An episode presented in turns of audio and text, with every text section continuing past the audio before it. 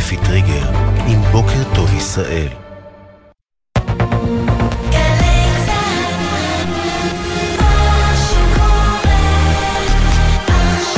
גלי צה"ל, שש בבוקר. בוקר טוב ישראל, עם אפי טריגר, עורך ראשי שרון קינן. שלום לכם, בשעה זו מותרים לפרסום שמותיהם של שני חללי צה"ל שנפלו אתמול ברצועת עזה, הודעות נמסרו למשפחותיהם. רב סרן יפתח שחר, בן 25, ממושב פארן, מפקד פלוגה בגדוד צבר, חטיבת גבעתי, קצין לוחם בשלדג, הוא נפל בקרב בצפון רצועת עזה. גם סרן איתי סייף, בן 24, מירוחם, מפקד מחלקה בגדוד צבר של גבעתי, נפל בקרב הזה. השניים נהרגו בפיצוץ מטען בצפון הרצועה. באותו קרב נפצעו קשה שבעה לוחמים מגדוד צבר, שבע, אה, כל השבעה פונו לקבלת טיפול רפואי בבית חולים ומשפחותיהם עודכנו. בעלומים ובנחל עוז שבעוטף הופעלו לפנות בוקר אזעקות, לא דווח על אה, נפגעים או נזק. בגבול הצפון אישר דובר צה"ל אמש כי טיל נ"ט ששוגר מלבנון פגע במרחב יחידת הבקרה האווירית של חיל האוויר במירון וגרם נזק. כשירות המתקן לא נפגעה. באירוע אחר אתמול בצהריים שיגר חיזבאללה 20 רקטות לשטח ישראל, כולן יורטו או נפלו בשטחים פתוחים. בתגובה תקף צה"ל מטרות טרור של חיזבאללה בלבנון. הבחירות לרשויות המקומיות, תוצאות האמת. תחילה המוקדים המרכזיים. חיפה הולכת לסיבוב שני אחרי שראשת העיר עינת קליש רותם הודחה בתום קדנציה אחת עם פחות מחמישה אחוזים של תמיכה. יונה יהב שכיהן כראש העיר במשך 15 שנה התמודד על התפקיד מול המועמד הצעיר דוד עציוני. בתל אביב, רון חולדאי עם ניצחון uh, מסתמן, הוא מוביל עם כ-50 אחוז בתום ספירת כשליש מהקלפיות וצפוי לזכות בתקופת כהונה שישית. בחולון תבוסה לראש העיר מוטי ששון ראשון, אחרי שש קדנציות הוא ילך הביתה, הוא הפסיד לשי קינן שזכה בכ-43 מקולות הבוח... 43 אחוזים מקולות הבוחרים ונתמך בידי הליכוד.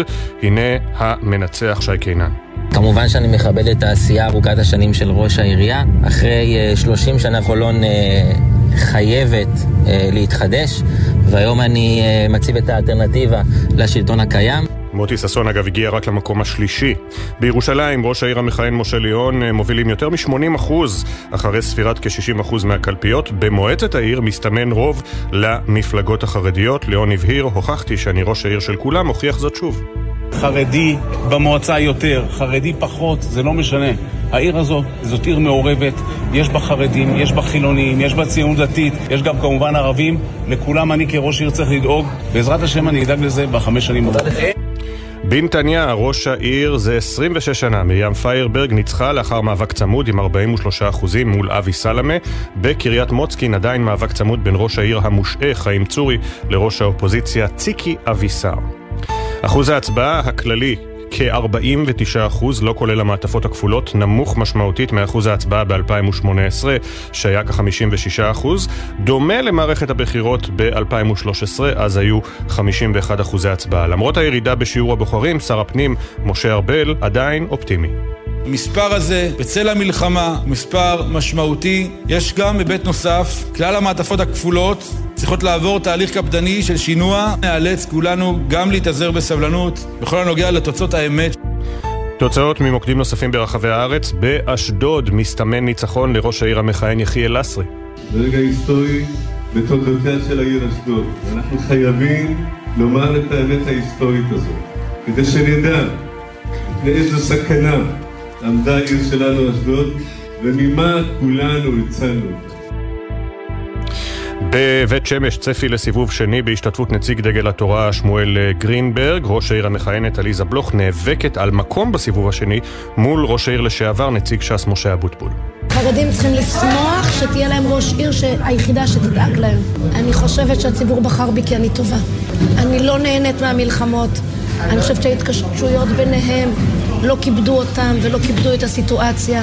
ברחובות מסיים ראש העיר המכהן רחמים מלול לתפקידו אחרי שלוש קדנציות. הוא השיג, הוא השיג הפעם רק 18% מהקולות. המועמד מתן דיל מתנדנד בין ניצחון בסיבוב הראשון למאבק בסיבוב שני מול זוהר בלום.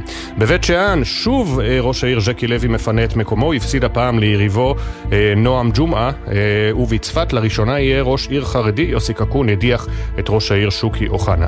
באריאל עלו לסיבוב השני יאיר שטבון הצפון, וחבר הכנסת לשעבר אורן חזן. בירוחם, נילי אהרון ניצחה את טל אוחנה עם יותר מ-50% והשיבה את הליכוד לראשות מועצת ירוחם אחרי 20 שנה.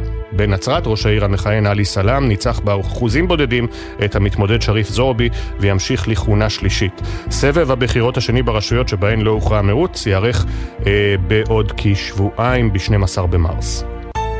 נמשכים החיפושים אחר היימנוט קסאו, בת התשע מצפת, שנעדרת מאז יום ראשון בערב. היא יצאה מביתה ונראתה לאחרונה בגן משחקים ברחוב צה"ל שבצפת, ומאז נעלמו עקבותיה. שוטרי מחוז הצפון אה, מבצעים בימים האחרונים סריקות בהשתתפות מאות מתנדבים.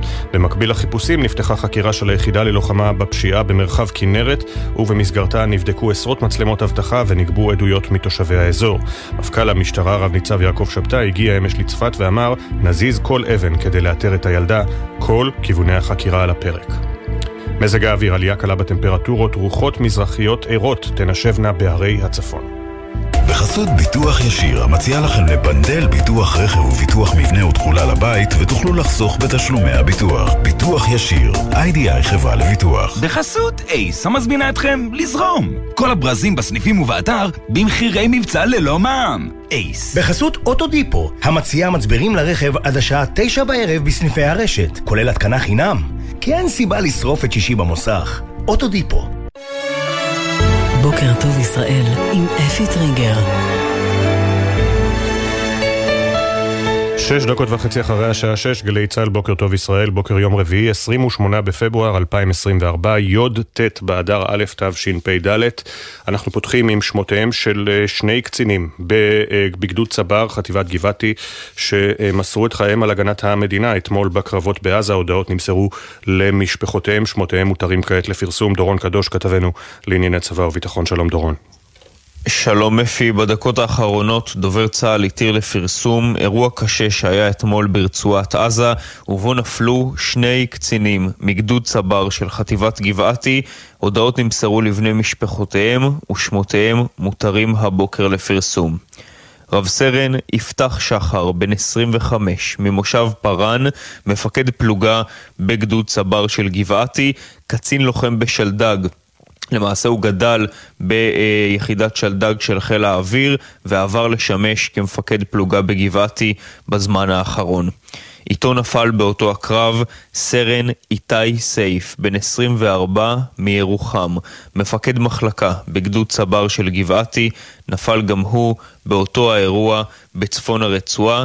נגיד אפי שמדובר על אירוע רב נפגעים בנוסף לשני החללים יש עוד שבעה לוחמים מגדוד צבר של גבעתי שנפצעו באורח קשה באותה תקרית ועוד כחמישה לוחמים שנפצעו באורח קל עד בינוני, סך הכל 12 נפגעים באותה תקרית, אה, כולם כמובן פונו לקבלת טיפול רפואי בבתי חולים אתמול. נגיד שהאירוע, ככל שידוע לנו בשלב הזה, הוא פיצוץ של מטען במבנה בשכונת זייתון שנמצאת בדרום העיר עזה. זו השכונה שבה גדוד צבר של גבעתי נלחם כרגע במסגרת המבצע האוגדתי שמתנהל בצפון הרצועה. כאמור, שני חללים באותה התקרית, יהי זכרם ברוך. אמן. תודה, דורון. תוצאות האמת מהבחירות לרשויות המקומיות כבר uh, זורמות כמה שעות. במקביל כמובן נמשכת ספירת הקולות ביישובים הגדולים. נתון אחד כבר ידוע, מרגע סגירת הקלפיות אמש, אחוז ההצבעה נמוך יותר מ-2018, מתחת ל-50 אחוזים. אנחנו כמובן עם המנצחים והמפסידים, חלקם מסתמנים. איפה יהיה סיבוב שני? נתונים ראשונים בפיך, כתבנו לענייני פנים שי ישראל. בוקר טוב שי. בוקר טוב אפי. כשלושה מיליון וחצי תושבים הצביעו אתמול ברחבי הארץ בבחירות לרשויות המקומיות. נרשמו 49 אחוזי הצבעה, זאת לעומת 56 אחוזים ב-2018. חשוב לציין אפי ששני המספרים וגם התוצאות עד כה, שמיד ניגע בהן, לא כוללים את המעטפות הכפולות, כ-150 אלף, יש עוד הליך שמתבצע ממש ברגעים אלו לקליטת וספירת הקולות האלה, זה, זה צפוי לקחת עוד מספר שעות לפחות, גם יכול להיות גם יותר מזה, ועד אז לא יהיו לנו בעצם את הנתונים הסופיים. בואו נדבר קצת על תוצאות. אז אחרי ספירת 99% מהקולות בחיפה, ראש העיר לשעבר יונה יהב מוביל עם 36% אחוזים, אבל זה לא מספיק בשביל ניצחון. בחיפה הולכים לסיבוב שני, הוא הולך להתמודד שם מול דוד עציוני שקיבל 22 אחוזים. ראש העיר המכהנת עינת קליש רותם עם התרסקות 4 אחוזים וחצי בלבד. בחולון אפשר לומר שאחרי יותר מ-30 שנה תם עידן מוטי ששון. כרגע מסתמן שמועמד הליכוד, שי קינן, מנצח כבר בסיבוב הראשון עם יותר מ-43 אחוזים, אחריו, אחריו מורן ישראל עם 27 אחוזים, מוטי ששון עם 17 אחוזים נקודה שמונה בלבד. בבית שמש, צמוד צמוד, אנחנו הולכים לסיבוב שני שם, אפשר לומר את זה. מי שמוביל כרגע הוא מועמד דגל התורה, שמואל גרינברג, עם 35 אחוזים, מולו יש את ראש העיר המכהנת, עליזה בלוך, שמובילה בסך הכל בחצי אחוז. על אה, משה אבוטמול מש"ס, ראש העיר לשעבר.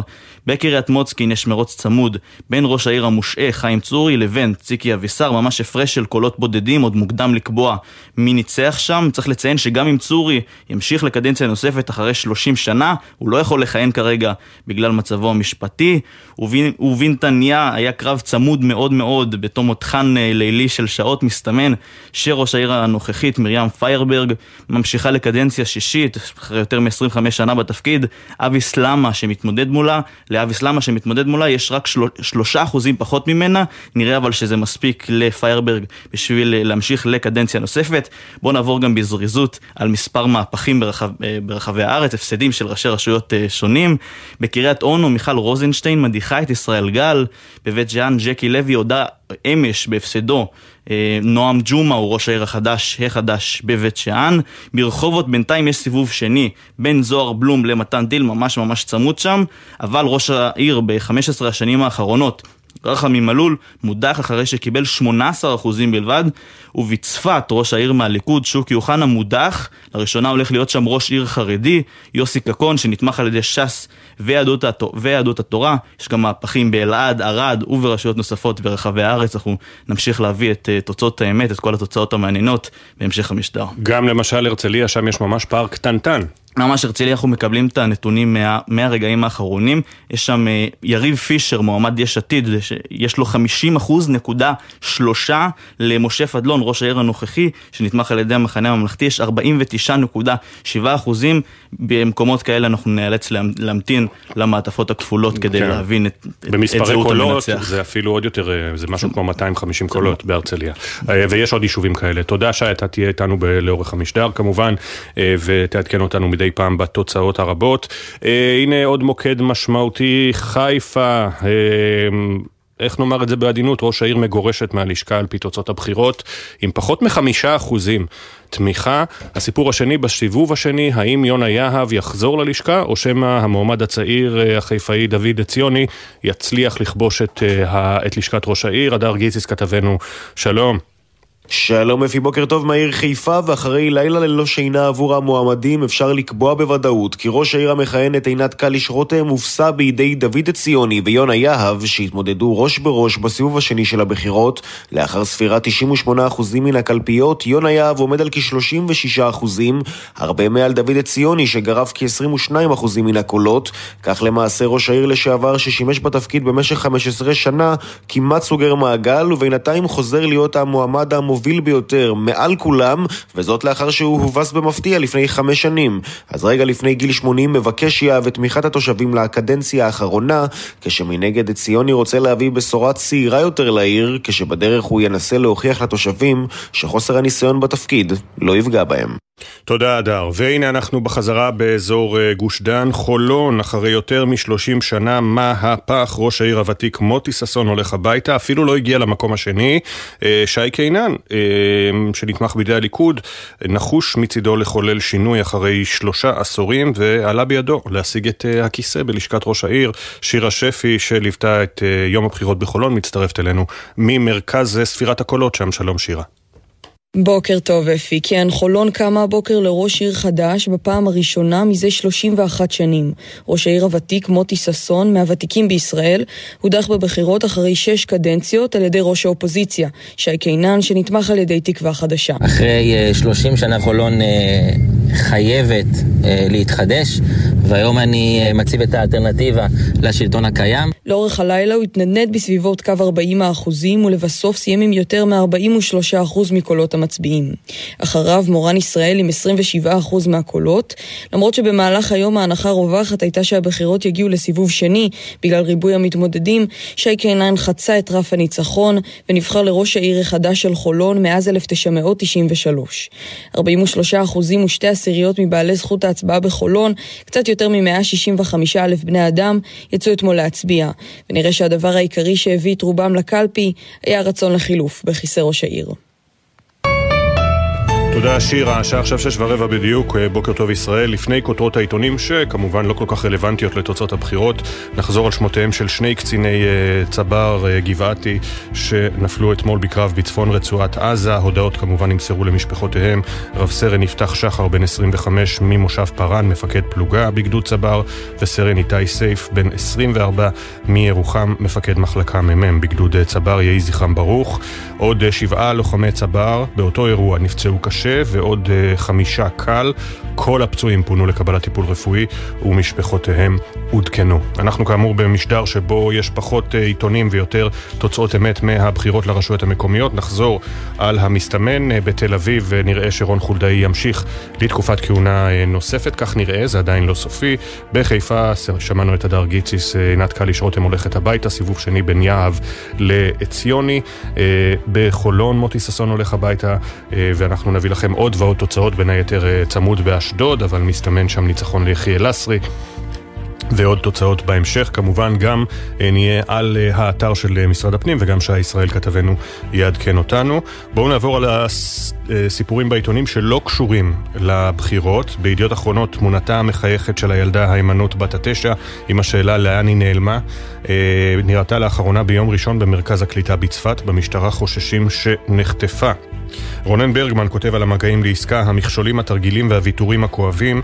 אחרי שהודיע כי יקפיד לשמור על יחס של אחד לשלושה, נתניהו נוטה לקבל את ההצעה האמריקאית 40 חטופים ובהם חמש חיילות, תמורת 397 אסירים פלסטינים, מתוכם 15 מחבלים כבדים, מאחורי הקלעים של הדיונים הדרמטיים, עמוד 2 בידיעות אחרונות. בישראל היום, אה, תחקיר שיש שבת, כרטיסי הסים באמ"ן חשבו שזה תרגיל, האלוף חליבה לא קיים הערכת מצב חרף המידע. בגזרה המדינית, ביידן מחריף את הטון כלפי הממשלה, ותת אלוף במילואים יוסי קופרווסר קורא אה, לסייע לעם האיראני למרוד במשטר. רק נאמר שאת התחקיר על כרטיסי הסים יביא במוסף שיש שבת איתי אילנאי, כתב תחקירים מצטיין שבאחרונה עבר מידיעות אחרונות לישראל אה, היום. עוד בשער של ישראל היום, מדינה שלמה שואלת איפה היימנוט עם התמונה, התיעוד האחרון שלה אה, נכנסת למרכז הקליטה בצפת ביום ראשון אה, בערב, ויש גם מוסף אה, נדל"ן שמצורף לעיתון. בהארץ הרשויות ספרו קולות לתוך הלילה וממתינות למעטפות הכפולות. יש תמונה של מחאת היחיד של אביו של החטוף אה, חנן יבלונקה. אתמול מחוץ לקלפי בתל אביב צילם את התמונה מוטי מילרוד. אה, גם חנן היה אמור להצביע כאן, אבל הוא מוחזק 144 יום בשבי חמאס. בוחרים בחטופים. זה השלט שהוא מחזיק, אביו של חנן. היום כבר 145 יום מאז... אה, מאז החטיפה, מאז השבת השחורה. אה, יונת, יונתן ליס מסכם במשפט אחד בכותרת, אה, בכותרת אה, בתחתית החצי העליון את הקרב בין ביידן לנתניהו, קרב במרכאות. ביידן הזהיר את ישראל מאובדן התמיכה בעולם, נתניהו בתגובה, רוב האמריקאים איתנו. מתחת לקיפול, בר פלג מדווח שטנקים של צה"ל ירו בשוגג לישראל לפחות חמש פעמים מתחילת המלחמה, כך לפי מידע שהגיע לידי הארץ. בתקרית אחת ירה טנק שני פגזים לתוך קיבוץ חניתה ופגע בשני בתים, בעקבות כך הודח מפקד מחלקה. בתקרית אחרת, פגז שנורה מהרצועה פגע בבניין עיריית שדרות. מצה"ל נמסר כי כלל המקרים תוחקרו והלקחים הופקו. הכתבה המלאה בעמוד 6 בהארץ. במעריב משבר הסחר האמריקאי, עימות נוסף בין ירושלים לוושינגטון, מדווח יהודה שרוני באופן בלעדי. מפעלים מישראל מתחרים באלה מארצות הברית, בניגוד להסכמים בין המדינות. עד כה הוטלו עיצומים, סנקציות על חברת פינקלשטיין, ובעתיד עלולות להיטבע חברות ביטחוניות המייצאות לאמריקה. נשיא התאחדות התעשיינים מזהיר, זה עלול לפגוע במשק. במסגרת הליך משפטי חסר תקדים פתח הממשל האמריקני בחקירה נגד חברת פינקלשטיין מתכות ובבדיקת התנהלות הממשלה, כך נודע למעריב, לטענתם של האמריקאים, מענקים שקיבלה החברה בזכות פעילותה באזור פיתוח מהווים סובסידיה ממשלתית אסורה, והם אפשרו לחברה מכירה של מוצריה בארצות הברית במחירי היצף.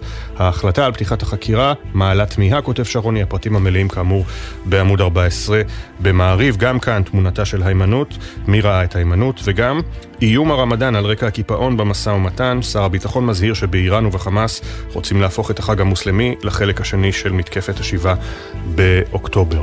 בג'רוזלם אה, פוסט, אה, מצד שמאל, תמונת עשן מתרומם מעל אה, מטרה שהותקפה מהאוויר בדרום לבנון על ידי מטוסי צה"ל, ויונה ג'רמי בוב מפרשן A Guide for the Perplexed over leaks on October 7th blame, מדריך למבולבלים אה, בעקבות אה, ההדלפות הרבות לגבי מחדל השבעה באוקטובר, מן הסתם מתייחס גם לכרטיסי הסים.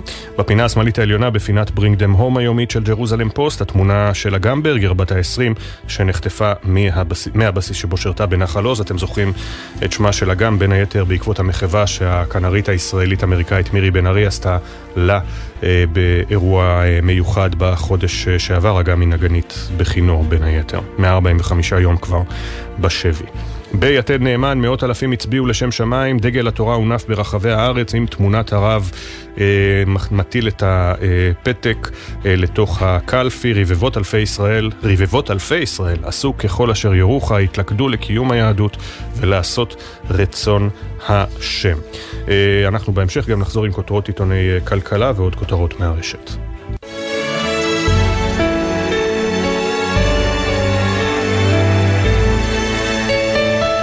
6.21, אנחנו לאורך המשדר מעדכנים אתכם במרוצים מעניינים, כמובן 242 רשויות בוחרות, לא נוכל להיות בכולן. הנה אנחנו עוברים ליהודה ושומרון. על פי משרד הפנים, אחוזי ההצבעה במחוז יו"ש עמדו על יותר מ-60 אחוז, שזה נתון גבוה במיוחד. עיר מעניינת במיוחד הייתה אריאל, שם שבעה מועמדים ומועמדות ניסו להיבחר לראשות העיר. יהיה שם סיבוב שני, ויש לנו שם פנים מוכרות ברמה הארצית, כמו שאומרים. אה, בוקר טוב, כתבנו ביהודה ושומרון, הוד בראל. כן, בוקר טוב אפי. אתה גם מוכר שבע... ברמה הארצית, התכוונתי למועמד כמובן לראשות העיר ברמה הארצית. בהחלט. כן, שבעה מתמודדים ומתמודדות רצו כאן לראשות העיר, ולאחר קרב צמוד, נכון להבוקר, מספירת כל הקלפיות, למעט קולות החיילים, שניים מהם יתמודדו שוב ויבקשו את אמון התושבים בסבב השני של הבחירות. הראשון שהוביל הוא חבר הכנסת לשעבר אורן חזן, אה, פנים מוכרות כמו שאמרת אפי, והשני הוא יאיר שטבון, איש חינוך שעסק בניהול מוסדות חינוך בשנים האחרונות, ואף חזר לא מזמן ממילואים בח'אן יונס. בוא נשמע רגע דברים ששטבון אה, אמר לנו הלילה ממטה הבחירות שלו. העיר אריאל אה, בחרה לנצח ולא להיכנע לעסקונה ולקומבינות ולדילים הפוליטיים. והעיר אריאל עכשיו גם תזכה להקים קואליציה רחבה יחד איתי, אחרי שננצח בסבב השני בעזרת השם, אה, יחד עם דתיים ועם חילונים ומסורתיים ועולים חדשים וותיקים. אנחנו ננצח את אה, אורן שכרגע מוביל באחוזים בודדים, אבל כשאנחנו נהיה מאוחדים הניצחון שם יהיה ניצחון ברור ומוחץ. כן, הבחירות כאן אה, בעיר התרחשו אחרי עשור וקצת שבהם אלישע בירו כיהן כראש העיר, ולפניו אה, כיהן במשך 27 שנים ראש העיר המיתולוגי רון נחמן זיכרונו לברכה. זה מה שהוביל למעשה בין היתר לריבוי המתמודדים בבחירות השנה. מה שגרם לעיר הזו, שברוב שעות היום שלה די מנומנמת, אה, להתמלא אתמול בפעילים ואווירת אה, בחירות, ונראה שנכון להבוקר שלטי הבחירות של אורן חזן ויאיר שטבון ימשיכו להתנוסס ברחבי עיר אריאל בדרך לסבב ב', בו יתמודדו שניהם על ראשות העיר. וללא ספק אה, הוד מערכת הבחירות הזו ביהודה ושומרון הייתה רוויה מתמודדים חדשים שהגיעו להנהגת הרשויות. כן, אה, בהחלט דם חדש במועצות וברשויות ביהודה ושומרון. בגוש עציון דרמה של ממש. ירון רוזנטל הדיח את יושב ראש המועצה המכהן ויושב ראש מועצת יש"ע, שלמה נאמן. זו הפעם השלישית שבה רוזנטל בן ה-45 מכפר עציון ניסה לזכות באמון התושבים, הפעם הוא הצליח. ובמעלה אדומים, ראש עיר חדש לאחר 32 שנים, גיא יפרח, מי ששימש כסגן ראש העיר, נבחר לרשות עם 57% מהקולות. שלומי ירוחם שהתמודד מולו זכה ב-43%. מערכת אה, בחירות יצרית מאוד עברה על תושבי העיר הזו. פיגוע ירי שאירע לפני כשבוע וחצי לא רחוק מהעיר השפיע מאוד אה, על השיח לקראת הבחירות בעיר. ועוד מקום מעניין עם תוצאות מפתיעות הוא קרני שומרון, שם יונתן קוזניץ ניצח את ראש המועצה בעשור האחרון, יגאל להב.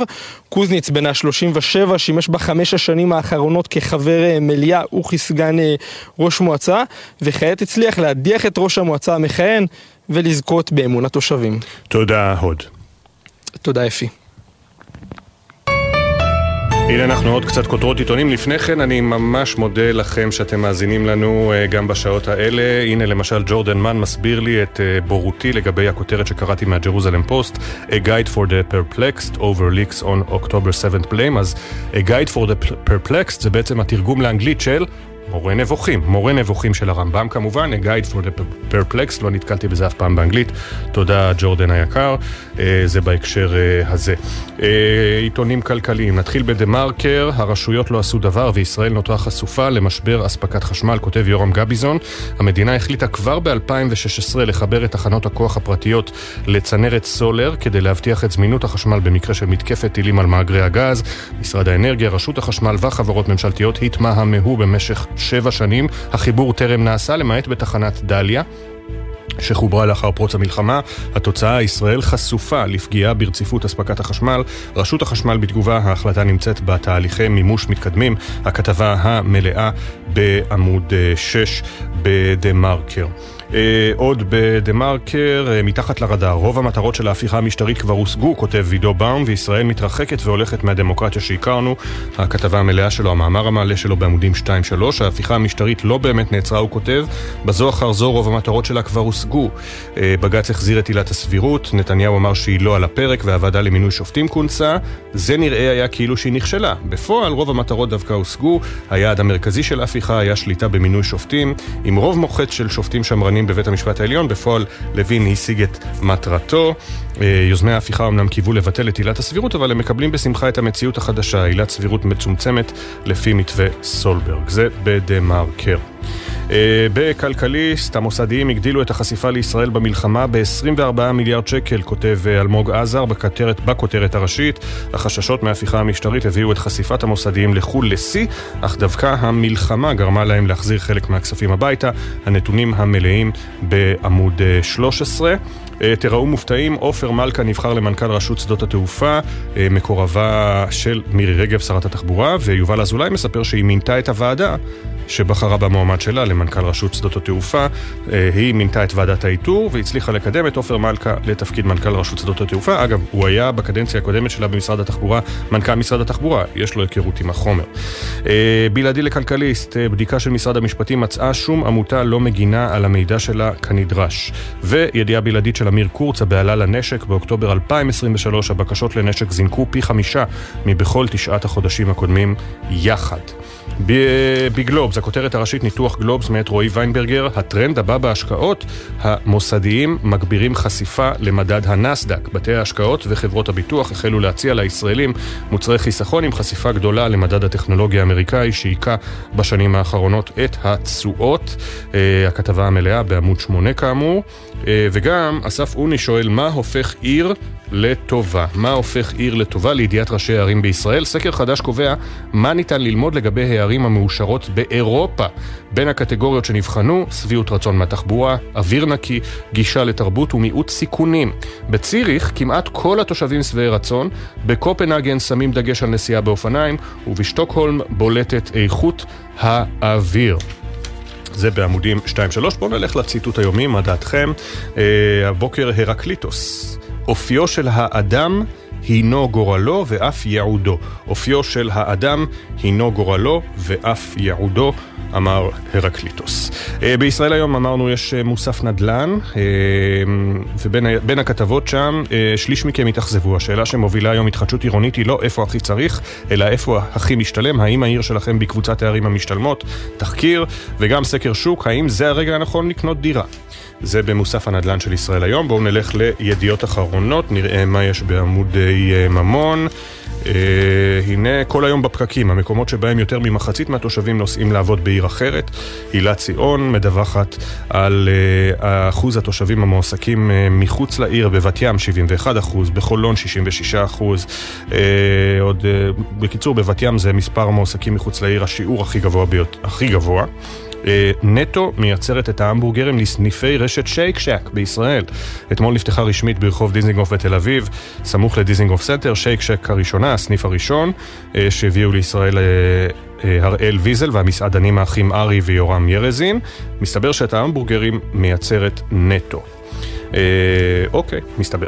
ובחירות היו לא רק אה, אצלנו בבחירות המקומיות בארצות הברית, עוד סבב פריימריז, הפעם במדינת מישיגן. בקצרה נגיד את זה, שדונלד טראמפ ניצח בקלות את ניקי היילי. יום שלישי הבא הסופר טיוזדי הגדול, כנראה הסוף של אה, דרכה פה, אה, במרוץ הזה. וגם ביידן ניצח די בקלות במישיגן, למרות הצבעת מחאה של אוכלוסייה מוסלמית גדולה במדינה שכועסת על תמיכתו המובהקת בישראל. יוצאים לכמה הודעות, מיד חוזרים.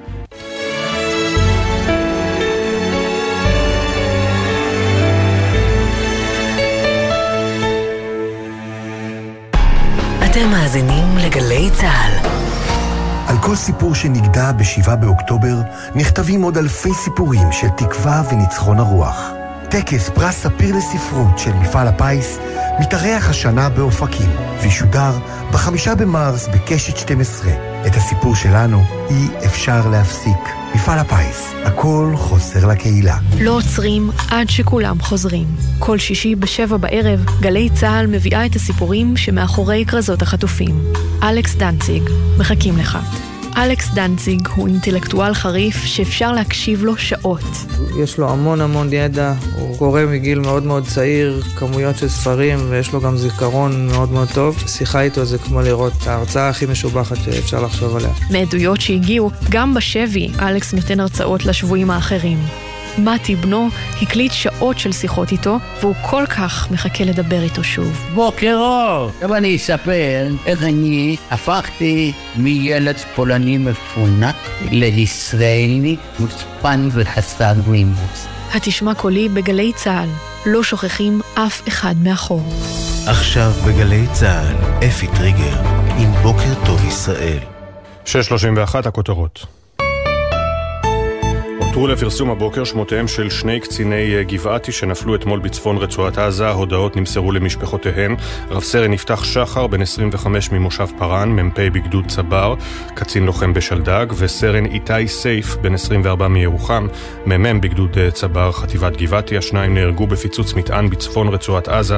באותו אירוע נפצעו קשה שבעה לוחמים מגדוד צבר ועוד חמישה לוחמים קל. כולם פונו לטיפול רפואי בבית חולים ומשפחותיהם עודכנו.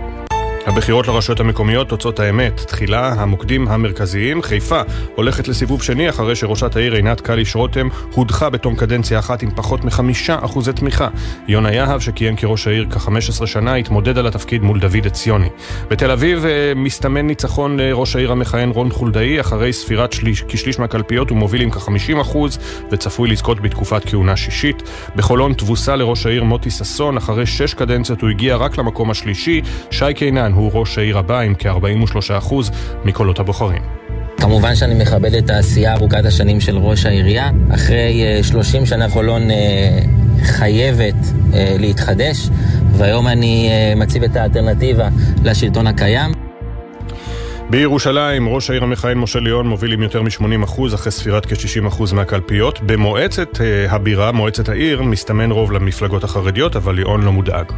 חרדי במועצה יותר, חרדי פחות, זה לא משנה. העיר הזאת, זאת עיר מעורבת, יש בה חרדים, יש בה חילונים, יש בה ציונות דתית, יש גם כמובן ערבים. לכולם אני כראש עיר צריך לדאוג. בעזרת השם אני אדאג לזה בחמש שנים הבאות. בהרצליה, אחרי ספירת כל הקלפיות, מועמד יש עתיד יריב פישר ביתרון זעיר על ראש העיר המכהן משה פדלון, וממתינים למעטפות הכפולות. בנתניה, אחרי קרב צמוד, מרים פיירברג הבטיחה לעצמה עוד חמש שנים בראשות העיר נתניה עם 43% מול המתמודד אבי סלאמה. בקריית מוצקין, מאבק צמוד בין ראש העיר המושעה, חיים צורי, לראש האופוזיציה ציקי אבישר. אחוז ההצבעה הכללי עמד על כ-49 אחוז, לא כולל המעטפות הכפולות, נמוך יותר מאחוז ההצבעה בבחירות הקודמות ב-2018, אבל דומה למערכת הבחירות ב-2013. עדכוני תנועה מגלגלצ, בכביש 6 דרומה יש עומס תנועה לסירוגין ממנהרות נילי עד אייל, כביש החוף דרומה עמוס מאור עקיבא עד קיסריה, וממחלף נתניה עד גשר השלום, כביש מספר 65 עמוס מצומת מי עמי לכיוון מחלף עירון, ומזג האוויר עלייה קלה בטמפרטורות, רוחות מזרחיות ערות. תנשבנה בהרי הצפון.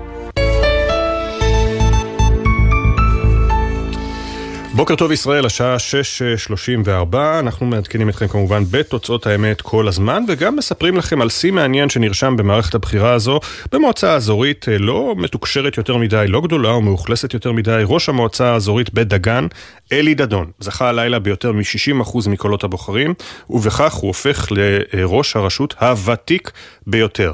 בסוף הקדנציה הנוכחית הוא יציין ארבעה עשורים, ארבעה עשורים על הכיסא. אלי דדון, בוקר טוב. בוקר טוב, תיקון קל, מועצה מקומית בדגן. מועצה מקומית, סליחה. ותיקון נוסף, אמנם נבחרתי לפני ארבעה עשורים, אבל הייתה לי הפסקה של כחמש שנים, בין השנים 2012 ל-2018, כי הייתי מנכ"ל מפעל הפיס בתקופה הזו. יפה. אז uh, הצלחת לחזור, והנה גם הלילה אתה זוכה, קודם כל ברכות על הניצחון. תודה, תודה רבה. Uh, תודה. היית במתח? Uh, תראה, אני כל יום שישי מבשל בבית, ואני כל יום שישי מתרגש מחדש. ודאי שכשאתה ניגש לתחרות כלשהי, ובמיוחד כאשר אתה ניגש לתחרות על דבר שאתה הכי אוהב בעולם שזה בדגן, אז ודאי שהייתי בהתרגשות ובמתח כדי לראות את התוצאות לא רק שלי האישיות, אלא גם של הסיעה שלי, ואני רושם לדעתי פעם נוספת שיא, הסיעה שלי יש לה רוב במועצה. לסיעה שלך חמש... לבד יש רוב במועצה. נכון, mm. נכון. זה הופך את החיים הרבה יותר קלים כראש מועצה. זה, זה הופך את החיים הרבה יותר uh, קלים מבחינת האחדות המטרה, מבחינת הרעות, מבחינת התהליכים בתוך המועצה, אבל הוא גם מגביר את האחריות, את העול על הכתפיים, שאין לך את מי להאשים, לא הייתה, פוז... לא הייתה פוזיציה ולא כלום, הביצועים והתהליכים של העבודה הם כולם כולם עליך, אבל איך אומרים, כנראה נולדתי לאחריות ולמשימות הללו. אתה יודע, אנחנו מזכירים את רון חולדאי, שכנראה זכה בכהונה שישית, גם אה, מרים פיירברג עיקר בוודאות זכתה בכהונה שישית. קטן עליך. כן, זאת כהונה שמינית, אבל אם, אם ניקח את זה לפי השנים, זאת למעשה כהונה שביעית. אה, סליחה, זאת כהונה שמינית. אה, היא יכלה להיות שיעית, סליחה. זאת כהונה שמינית שלי. אה, אני מתחיל אה, ממחר את השנה 35 פלוס אה, כראש רשות ואני מאוד שמח, אני באמת אוהב את בדגן וגם בדגן היום בצומת, בצומת דרכים מאוד חשוב אושרו תוכניות בנייה לשלוש שכונות חדשות עם כ-3,400 יחידות דיור, קמפוס תעסוקה ליד משטרת בדגן בצומת, המקום הכי מרכזי בארץ, mm-hmm. עם למעלה מ-120 אלף מטר אה, משרדים ומסחר. אה, באמת מחכה לנו אה, תקופה מרגשת ומרתקת, ויישוב ובסולם סוציו-כלכלי גבוה, עם תוצאות בגרות, עם גיוסים לצה"ל, מדובר באמת ביישוב כן. אה, מאוד מאוד מאוד חשוב ומרכזי בארץ. אה, תגיד, קטן, אתה אבל... יודע אגב מה השיא של אה, כהונה ארוכה ביותר? אני חושב שאני הולך לשבור אותו אם אינני טועה. השיא היה של אה, ראש המועצה המקומית פרדסיה. שהוא היה 38 שנים, אם אני לא טועה, אני מתנצל אם אה, יש לי שגיאה כזאת. יש לך שגיאה קטנה, בדקנו. שלמה בוחבוט, אה, מיודענו ממעלות, היה 42 שנה רצוף, ראש מועצת אה, מעלות. אוקיי. ואם אנחנו סופרים גם לפני הקמת המדינה, אז בשיא האמיתי. בשיא השיא השיאים מחזיק אברהם קריניצי, זיכרונו לברכה, ראש עיריית רמת גן המיתולוגי, אבל זה עוד לפני הקמת המדינה, הוא כיהן 44 שנה. וואו, וואו. אז אני... אתה שואף לשם. ראה, כל קדנציה היא משימה בפני עצמה. בעזרת השם, היום אנחנו בשנת 2024, במהלך אה, סוף הקדנציה, אני מקווה שאסיים בבריאות. מזל אישית, אה, נבחרתי כשהייתי ממש ילד, הייתי בן 26 וחצי, והיום אני בן 67. כן? אה, אז אני מאמין, כמו שאני מכיר את עצמי, אני אדם ששומר על אורח חיים בריא, על ספורט וכולי, שגם בעוד חמש שנים אה, כוחי יהיה במותניי. אם כוחי יהיה במותניי, ואם אני ארגיש שהציבור באמת רוצה שאמשיך, אני נכון למשימה גם בעוד חמש שנים, אבל עוד חזון למועד. אני מניח שגם שואלים אותך הרבה, שאלו אותך הרבה לאורך השנים כשפגשו אותך כל מיני אנשים, מה, בית דגן? זה לא צומת בסך הכל? נכון, נכון, נכון, נכון, נכון. בית דגן אה, הוא לא יישוב שכל אה, יום בחדשות. אה, איך אומרים? וזה טוב, כי דבר הסמוי מן העין יש בו המון ברכה. זה יישוב שכל מי שנקלט בו, ואני קיבלתי את היישוב שהוא בן אלפיים תושבים, היום בן שמונת אלפים, וכל מי שנקלט בו כמעט, אני אומר ברמה של 80-85 אחוז, אוהב להישאר בו, אנחנו למעשה יישוב שרוב תושביו מחוץ לבית דגן, ואנחנו הולכים עכשיו להגיע לכדי 20 אלף תושבים בעשור הקרוב. בהחלט משימה מרתקת, חשובה, כן. במיוחד בהיבטים הקהילתיים, ההיבטים הפיזיים הם לא פשוטים. אבל הם טכניים יותר. בהיבט הקהילתי לקלוט אנשים ולשמור אותם בגישה וב vibe ובאנרגיות הנכונות של הקהילה בבית דגן, זאת המשימה הכי גדולה שלי. אז הנה, אה, התושבים מאמינים בך ונתנו לך עוד אה, תקופת כהונה. אלי דדון, ראש המועצה המקומית בית דגן, המכהן הארוך ביותר בתפקיד, תודה רבה שדיברת איתנו. תודה לכם. ואנחנו עוברים אל עוד תוצאות מאוד מאוד מעניינות, לא כולן תוצאות סופיות, כי בהרצליה למשל מאבק צמוד צמוד בין מועמד יש עתיד יריב פישר לראש העיר המכהן משה פדלון, צמוד עד כדי משהו כמו 200-250 קולות. גל ג'רסי כתבנו, שלום. כן, שלום אפי, כי אחת מהערים בהן המרוץ מסתמן כצמוד מאוד, כפי שאמרת, בהרצליה, כמעט על חודו של קול אפשר לומר. בתום ספירת הקלפיות, יריב פישר, המועמד מטעם יש עתיד, מוביל בקצת יותר מחצי אחוז על ראש העיר הנוכחי משה פדלון. מדובר אפי בפער של פחות משלוש מאות קולות, להבנתי 250. בינתיים אפי שני המועמדים מחכים לקולות החיילים כמובן, למעטפות. המעטפות הכפולות ולהתפתחויות, ולהתפתחויות נוספות, ורק אז יכריזו או על ניצחון או על הפסד. ונעבור לרמת גן, שם היה קרב צמוד על הנייר לכרמל שאמה הכהן, שרצה לזכות בעוד תקופת כהונה מול ליעד אילני. כן, כרמל שאמה הכהן מתקרב לקדנציה שנייה. תמונת המצב העדכנית היא 54% מהקולות שהלכו אליו, לעומת 46% למועמד ליד אילני שהתמודד נגדו. לפני כמה שבועות, אם היינו מדברים אז, המרוץ ברמת גן היה נראה די סגור לטובתו של כרמל שאמה הכהן, אך ככל שיום הבוחר התקרב, הפער בינו לבין אילני הסתמצם. השניים, שאמה הכהן ואילני, היו שותפים בעבר עד שהתפצלו ואילני נהיה מגדולי מתנגדיו של ראש העיר ברמת גן. לפני שלושה ימים פרשה מהמרוץ לראשות העיר ברמת גן עורכת הדין חיה מנע והביעה את תמיכתה באילני. יכול להיות שזה גם מה שסייע לאותו מרוץ להפוך עוד יותר צמוד. ובדקות האחרונות ידענו כבר שמסתמן ניצחון לרון חולדאי, אתה מעדכן אותנו שיש מה שקוראים בפוליטיקה האמריקאית conceding, הודעה בהפסד של אורנה ברביבאי. כן, אפי הודעה קצרה אבל ברורה, היא כותבת בחשבון הטוויטר שלה, אורנה ברביבאי, השרה לשעבר, כותבת בהצלחה לרון חולדאי שימשיך לכהן כראש עיריית תל אביב. תודה לציבור הגדול שתמך בי ולכל השותפים לדרך, כך אורנה ברביבאי, כלומר הודעה בהפסד להבנתי הייתה אמורה להיות איזושהי הצהרה בבוקר, היא בוטלה, הסתפקו בהודעה הזאת, אכזבה גדולה במטה של ברביבאי, אין ספק. רון חולדאי ממשיך לכהונה שישית, תודה רבה לך גל. ג'רסי כתבנו. נצפין לטבריה, שם ברוב משמעותי ניצח המועמד יוסי נבעה, במטה שלו כמובן נשמעו קולות החגיגה הלילה, אבל האירוע האמיתי והמעניין יחל דווקא כשייכנס בדלת העירייה, אחרי שזכה גם לתמיכת הליכוד וגם לתמיכה של כל המפלגות החרדיות בעיר והרינונים שהוא זכה לתמיכת אריה דרעי. עכשיו צריך לנהל את העיר המסוכסכת הזו, שעד עכשיו נוהלה על ידי ועדות קרואות. מטבריה מצטרפת אלינו כתבתנו יובל מילר, שלום יובל. שלום אפי, בוקר טוב. אז הבוקר אפשר להגיד כבר בצורה חד משמעית, ראש עיריית טבריה הנבחר הוא יוסי נבעה. נבעה זכה לתמיכה נרחבת של כ-51 אחוז. אחריו המועמד אביב יצחק, מועמד צעיר שהיה פופולרי בעיקר משום שעשה שירות מילואים של יותר מ-100 יום בעזה. יצחק גבר על ראש העיר הקודם שנבחר ב-2018, רון קובי, שזכה לכ-22 אחוז מהקולות בלבד בבחירות הנוכחיות. נבעה ראש העיר החדש של טבריה, מנכ"ל מוסדות מאיר בעל על הנס בעיר, שהיה גם בעבר מנכ"ל העירייה. הוא זכה בבחירות הללו לתמיכה גורפת של כל המפלגות החרדיות וגם של מפלגת הליכוד, שבעצם התמיכה הזאת הובילה אותו לזכייה. אתמול, קצת אחרי חצות, למרות שעוד לא נספרו כל הקולות במטה של נאבה, כבר הכריזו על ניצחון. שמענו תגובתו מיד לאחר ההכרזה. אנחנו נפעמים, לא האמנו שזה יהיה ממש בסיבוב הראשון.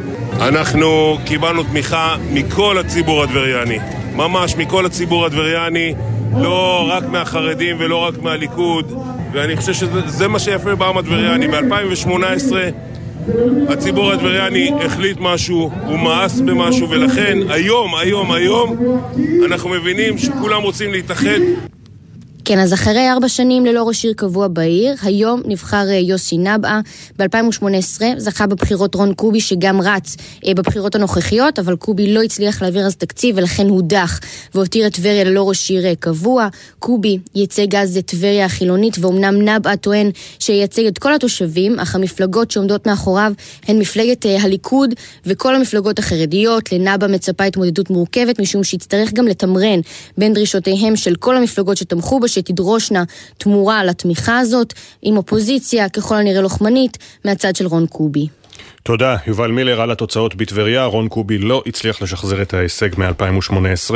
יש ראש עיר אה, חדש אה, בטבריה, אה, יוסי נבעה. עכשיו אל הרשויות הערביות, אחרי שנה סוערת שכללה שיא במספר הנרצחים והרבה מאוד אלימות שהופנתה גם כלפי מועמדים במישור המוניציפלי. מאיה יהלום מצטרפת אליי עם סיכום התוצאות ברשויות ערביות בולטות. שלום מאיה. שלום אפי, אז כן, אחוזי הצבעה גבוהים במיוחד נרשמו ברשויות הערביות, למרות באמת החשש הכבד לאלימות בקלפיות, ואפילו המלצה של שב"כ לבטל את הבחירות בשמונה רשויות, ובהן כפר קאסם, ראמה ונצרת, המלצה שלבסוף אה, לא התקבלה. שני מתמודדים רצו אתמול לראשות העיר נצרת מול ראש העיר המכהן עלי סלאם, אך כעת לפי התוצאות נכון לשעה זו, סלאם לא ימשיך אה, לקדנציה נוספת. הבחירות בנצרת היו השנה מוקד לאלימות בעצמן. רק באוגוסט האחרון אנחנו זוכרים, אחד מהמתמודדים, מוסא אבדוחן, אה, פרש בעצם מההתמודדות אחרי שארגון פשע ירה בו, אלימות מאוד מאוד קשה שנכנסה באמת לבחירות בנצרת. בעיר הערבית הגדולה ביותר, רהט, מהפך. לאחר כהונה קצרה של עטה אבו מיאדם, נבחר אתמול המועמד טלאל אל-קרינאווי ברוב גדול של כמעט 71 אחוזים אה, מהקולות. גם ברהט, כאמור, האלימות בגזרת הבחירות לא פסחה, ובאוגוסט האחרון הונח רימון בסמוך לחצר ביתו של המועמד עכשיו היוצא, וזה באמת גם נכנס לשיקולים של המצביעים של כל העניין הזה.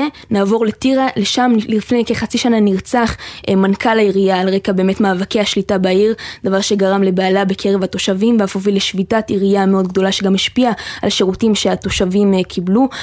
כרגע מסתמן שממון עבד אל חי, ראש העיר המכהן כבר 15 שנה, ימשיך לכהונה נוספת. בסכנין ראש העיר ספואט אבוריה החליט לא להתמודד שוב לאחר כהונה, קטנה, כהונה קצרה של רק אה, קדנציה אחת. ולפי התוצאות, שוב, אנחנו נעבור שנייה לסכנין, שם חוזר ראש העיר לכהן מאזן גנאים. Mm. אנחנו זוכרים את הסיפור שלו בכנסת, הסיפור שלו עם הממשלה. עוד מימי קבוצת הכדורגל בני סכנין, אחר כך נבחר לראשות העיר, הפסיד, עכשיו חוזר. זהו, אז עכשיו הוא חוזר. באמת, איפה אתמול ראינו יום בחירות סוער במיוחד ברשויות הערביות. נושא של אלימות, זה באמת עומד בראש סדר היום, שם התושבים מקווים שאולי המועמדים שעכשיו נכנסים לקדנציה חדשה, אולי יעשו שם איזה שינוי, אבל גם שם היום לא עבר חלק, וראינו שגם בקלפיות היו כמה אירועי אלימות, בין היתר בטובא זנגריה שבגליל, שם נפצעו שני uh, צעירים בני 20 באורך קל עד בינוני, במהלך uh, קטטה שהתפתחה uh, בקלפי.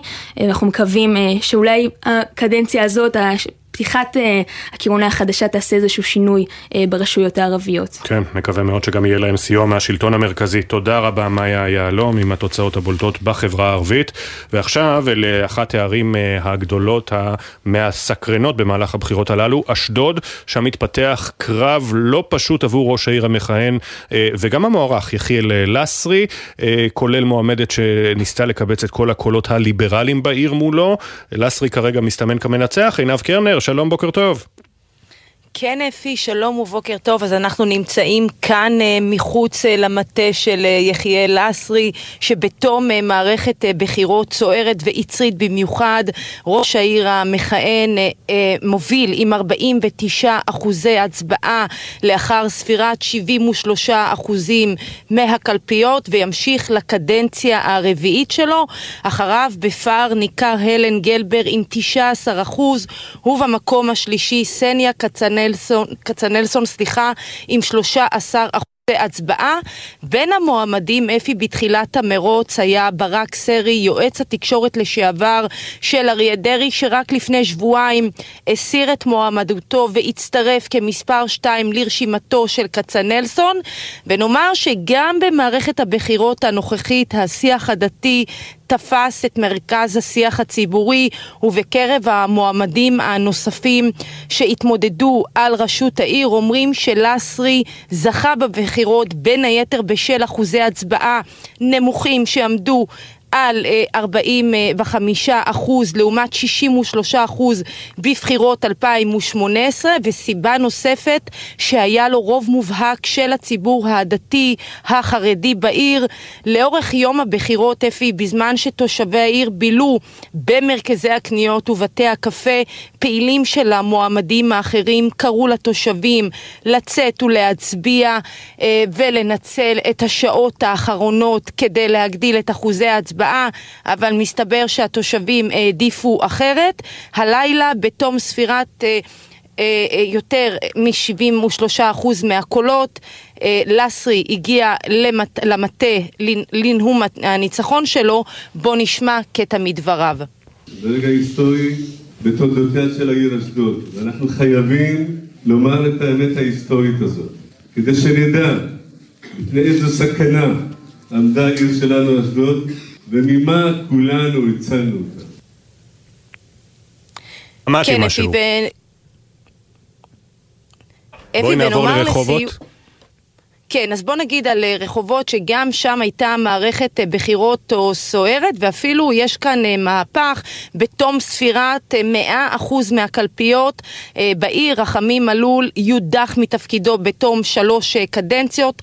במקום הראשון כרגע עם יותר מ-39 אחוזי הצבעה מתן דיל, אחריו זוהר בלום עם 28 אחוזי הצבעה ואם דיל לא יצליח לחצות את רף 40 האחוזים לאחר ספירת uh, המעטפות הכפולות, הוא ילך לסיבוב שני עם זוהר uh, בלום. רחמים מלול הפסיד בבחירות האלה לאחר שהשיג 18 אחוזי הצבעה בלבד. נציין אפי שבבחירות 2018 מלול התמודד לבדו, והפעם בתום מערכת uh, בחירות מעניינת במיוחד, הוא יודח מתפקידו. תודה, עינב קרנר. דיברנו על אשדוד ורחובות עם עינב קרנר שנמצאת במטה לסרי באשדוד. עכשיו אנחנו שוב. קופצים צפונה אל אחת הערים המפורסמות בארץ בזכות השושלת המשפחתית שלה, בית שאן, אה, העיר של אה, משפחת לוי, משפחתו של דוד לוי. הלילה זה כבר לא היה לילה מוצלח לבנו אה, ז'קי, שהפסיד את ראשות העיר. אגב, פעם שנייה שזה קורה לו. הדר גיציס, כתבנו בצפון, חוזרים אליך, שוב שלום. שלום אפי, זה בהחלט תרחיש שאיש לא ציפה לו בבית שאן. אף אחד לא באמת גרס שנועם ג'ומה יצליח להדיח את ראש העיר המכהן, ז'קי לוי, שהתמודד על כהונה שלישית בתפקיד, אבל סמוך לשעה חצות הלילה התבהרה תמונת הניצחון המפתיעה, וז'קי לוי הודה בהפסד וברך את מחליפו בתפקיד. מדובר בנועם ג'ומה, בן 43, יליד ותושב בית שאן, בעל חנות מחשבים בעיר ויזם של מספר תוכניות, ביניהן הרשת עיר עמק. הוא הצליח הלילה להביס את ז'קי לוי, שביקש להמשיך בתפקידו לקדנציה שלישית בתום עשור בתפקיד, וכך למעשה לראשונה מאז 1969 למשפחת לוי לא יהיה הפעם נציג בפוליטיקה הארצית. בצל אחוזי ההצבעה הנמוכים הצליח ג'ומה לגרוף ניצחון כבר בסיבוב הראשון. הוא הודה לתושבי העיר ואמר, התחלנו דרך חדשה בבית שאן. תודה רבה, הדר אה, גיציס, בבית שאן ראש עיר אה, חדש, נועם ג'ומעה. עכשיו שאלה, ואנא, לענות אה, בכנות, האם יצאתם להצביע אתמול? אם לא, אתם ממש לא לבד. מתוך יותר משבעה מיליון בעלי זכות הצבעה, הגיעו פחות מ-50% לקלפיות. ההמונים שהיו אמורים, בתקווה, לקדוש את מוקדי ההצבעה כדי לממש את זכותם הדמוקרטית, העדיפו לקדוש את חופי הים, הקניונים ובתי הקפה, ועכשיו, לכל מי שלא הצביע, אין שום זכות להתלונן בחמש השנים הקרובות, צר לי, הודעה שלי. למה זה קרה? איזה מקום תפסה המלחמה בהחלטה אם להצביע או לא? הקולות בכתבה של שחר קנוטובסקי וגיא רימון.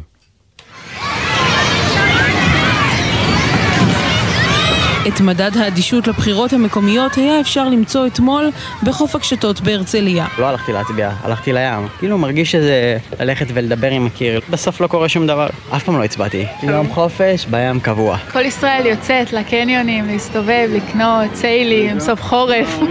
פחות בחירות, כאילו זה לא מעניין. I gave up. The beach was a bit more interesting to be honest. הים ניצח את הקלפי. גם רשת ההמבורגר האמריקנית שפתחה סניף ראשון בדיזנגוף סנטר בתל אביב. במשרד הפנים היו מסתפקים בקלפיות גם בחצי מהתורים שנרשמו אתמול מחוץ למזללה. רצינו לבוא לאכול ב Shake Shack שנפתח, אבל כאילו יש פה תור מוגזם בטירוף, ומפה אנחנו ממשיכים לפדל לים. בהרצליה, אלפים יצאו לבלות, בעוד אחוזי ההצבעה עמדו רק על 42 אחוזים ושתי עשיריות האחוז. עומר, תושב העיר, מתוסכל. אנשים אה, מנצלים את זה, למרבה הצער, במקום ללכת כמה דקות, חצי שעה להצביע ואז לנצל את יום החופש, הם אה, כנראה מעדיפים יום אחד של אה, שיכרון תחבורה ציבורית בכאילו שבת, על פני להצביע. זה מתסכל, אני חושב שזה ביטוי של ייאוש של אנשים, שלא קשור אגב אולי לרשויות המקומיות, אלא למצב הכללי במדינה, וחבל, כי בסוף, אם אנשים לא יתעוררו, אז הם יסתערו על זה חמש שנים. כך או כך, יום חג לדמוקרטיה זה לא היה, גם בגלל אחוזי ההצבעה, אבל בעיקר בגלל מצב מצב הרוח הכללי בעקבות המצב. בדיוק בבוקר אני הסברתי לבעלי, אמרתי לו שאני חושבת שזה כרגע עדיין לא הזמן לעשות את זה, כי יש אנשים בצפון ובדרום שהם לא יכולים, ואנחנו אמורים אה, לעמוד ביחד ואולי לחכות שזה נגמר. זה משהו שכאילו מרגיש אולי לא הכי נחוץ, אבל מצד שני... אנחנו חיים במדינה דמוקרטית, אז לדחות בחירות זה, זה לא נשמע ולא מרגיש הכי דמוקרטי.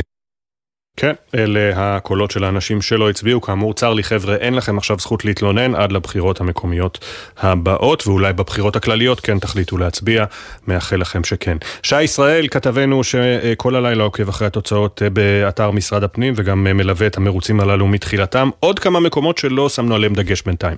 כן, אז אמ, מוקד, אה, מוקד מעניין נוסף הוא צפת, שם אה, ראש העיר, אה, ראש העיר המכהן שוקי אוחנה שנבחר ב-2018 מטעם הליכוד מפסיד ליוסי קקון שהוא מועמד חרדי מטעם ש"ס והמפלגות החרדיות. בנוסף, בגדרה ב-15 השנים האחרונות יואל גמליאל, אח של גילה גמליאל, ראש העיר, הוא מפסיד לסער פינטו, המועמד של תקווה חדשה. בערד בערד יאיר מעיין, עד לאחרונה מנכ"ל רשות הבדואים, הוא מנצח את ניסן בן חמו, שהיה mm. ראש העיר בתשע השנים האחרונות.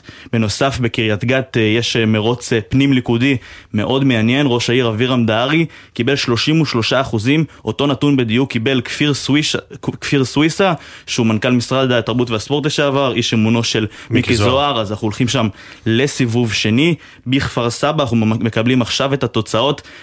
מסתמן שרפי סער, ראש העיר הנוכחי, ממשיך, אבל יש שם מרוץ צמוד מאוד מאוד. רפי סער עם 46 אחוזים נקודה שמונה, הדר לביא שמתמודדת מולו נתמכת על ידי גנץ עם 45 נקודה שלושה אחוזים, ההפרש עומד בסך הכל על 650 קולות כרגע, לפני המעטפות הכפולות. ויהיו שם מעטפות כפולות כידוע, שזה אנשי כוחות הביטחון, אה, כמובן שיעור גדול גבוה של אה, משרתים במילואים וב, אה, ובקבע ובסדיר בערים הגדולות. גם בהרצליה מחכים גם בהרצליה, שם הפער עוד יותר קטן, נכון? זה נכון.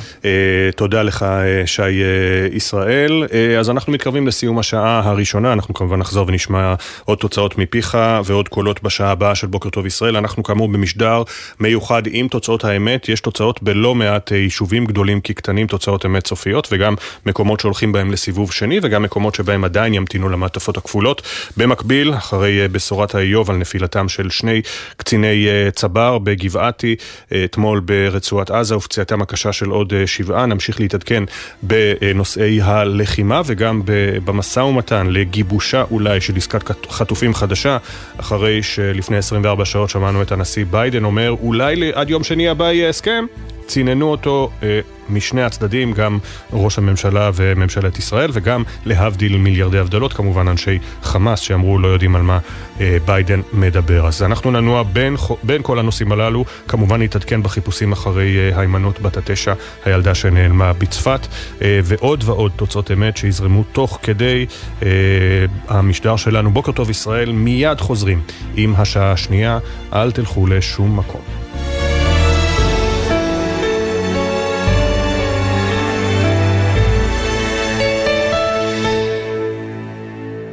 בחסות ביחד בשבילך, מועדון ההטבות לחברי הסתדרות. מהיום אפשר לקנות ולחסוך בהוצאות. אתם מוזמנים להצטרף חינם, ותוכלו לחסוך במגוון בתי עסק ובפעילויות. בחסות הום סנטר, המציעה לכם את מגוון מבצעי יום הבחירות גם עד סוף השבוע. אנו מזמינים אתכם להמשיך לבחור. הום סנטר, בחסות ביטוח ישיר, המציע לכם לבנדל ביטוח רכב וביטוח מבנה ותכולה לבית, ותוכלו לחסוך בתשלומי הביטוח. ביטוח ישיר, IDI חברה לביטוח. בחסות אייס, המזמינה אתכם לזרום. כל הברזים בסניפים ובאתר, במחירי מבצע ללא מע"מ. אייס. אתם מאזינים לגלי צה"ל. חבריי הוותיקים, יש לי מילה אחת בשבילכם, עוד. בגילנו אנחנו צריכים לתת לעצמנו עוד, גם בכביש. להשקיע עוד קצת ולחצות אך ורק במעבר חצייה, גם אם הוא קצת רחוק וקשה ללכת אליו. לא להתפרץ לכביש, לסמן לנהג שאנחנו רוצים לעבור ולהסתכל לו עוד רגע בעיניים כדי לוודא שראה אותנו. כ-50% מהולכי הרגל הנהרגים בתאונות דרכים הם אזרחים ותיקים. תנו להם עוד קצת זמן.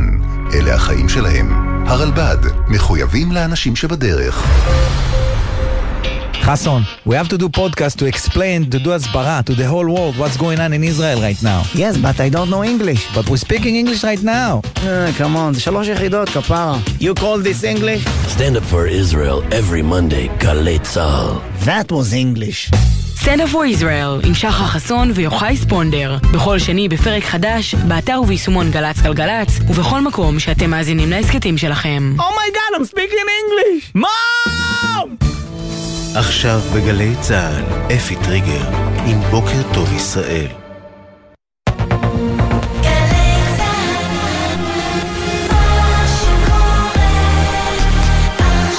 שבע בגלי צה"ל. בצל המלחמה ישראל בחרה ראשי ערים ויישובים ונפרדה מחלקם. מוטי ששון הודח מראשות עיריית חולון לאחר יותר משלושה עשורים. שי קינן הוא ראש העיר החדש. אחרי 30 שנה חולון חייבת להתחדש, והיום אני מציב את האלטרנטיבה לשלטון הקיים. תבוסה קשה לעינת קליש רותם בחיפה, שתלך לסיבוב שני בלעדיה. בוקר טוב ישראל, במשדר מיוחד מהמוקדים השונים, נהיה עם דוד עציוני, שהתמודד בסיבוב השני בחיפה מול ראש העיר לשעבר יונה יהב, ועם ציקי אבישר, שרחוק קולות בודדים מלהשלים מהפך בקריית מוצקין לראשונה זה 30 שנה. בתל אביב ובירושלים, עסקים כרגיל, חולדאי ימשיך לקדנציה שישית, משה ליאון נבחר שוב בבירה, שם צפוי רוב לסיעות החרדיות במועצה. העיר הזאת, זאת עיר מעורבת, לכולם אני כראש עיר צריך לדאוג. כתבי גלי צה"ל יביאו את הקולות. בחירות לצד אזעקות בגולן יצאו להצביע למרות עשרות רקטות שנורו ביממה החולפת. בקונסטלציה הנוכחית של מצב המדינה, אני חושב שהבחירות האלה היו בהחלט מיותרות. כתבתנו הדס שטייף הייתה שם, וגם, מירוחם תצא הבשורה? כתר, כתר, ברור, של מלכה. כשמעט נשים נמצאות בתפקידי הנהגה, איך הפך דווקא היישוב בדרום למקום שבו גם כשמישהי מפסידה, טל אוחנה, היא מוחלפת על ידי אישה, נילי אהרון. מי שתעלה צריכה לבוא לדפוק על השולחן. אנחנו פה, אנחנו שייכים למדינה. כתבתנו מאיה יהלום הייתה בירוחם. בוקר טוב ישראל. בוקר טוב ישראל עם אפי טריגר, עורך ראשי שרון קינן.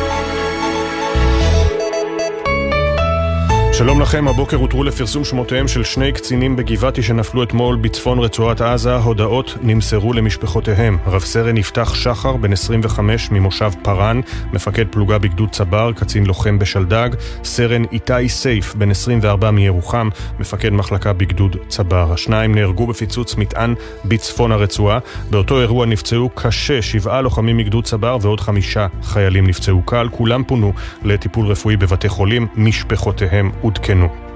הבחירות לרשויות המקומיות, תוצאות האמת. חיפה הולכת לסיבוב שני אחרי שראש העיר עינת קליש רותם הודחה בתום קדנציה אחת עם פחות מחמישה אחוזי תמיכה. יונה יהב, שכיהן כראש העיר במשך 15 שנה, התמודד על התפקיד מול דוד עציוני. בתל אביב, ניצחון לראש העיר המכהן רון חולדאי, אה, והיריבה שלו, אורנה ברביבאי, כבר הודתה בהפסדה ובירכה אותו על הניצחון. בחולון, תבוסה לראש העיר מוטי ששון, שהודח מתפקידו אחרי שש קדנציות והגיע הפעם רק למקום השלישי. הוא הפסיד לשי קינן. בירושלים, ראש העיר המכהן משה ליאון, כאמור מוביל עם יותר מ-80% אחרי ספירת כ-60% מהקלפיות. במועצת העיר מסתמן רוב חרדי. חרדי במועצה יותר, חרדי פחות, זה לא משנה. העיר הזאת, זאת עיר מעורבת, יש בה חרדים, יש בה חילונים, יש בה ציונות דתית, יש גם כמובן ערבים, לכולם אני כראש עיר צריך לדאוג. בעזרת השם אני אדאג לזה בחמש שנים הבאות.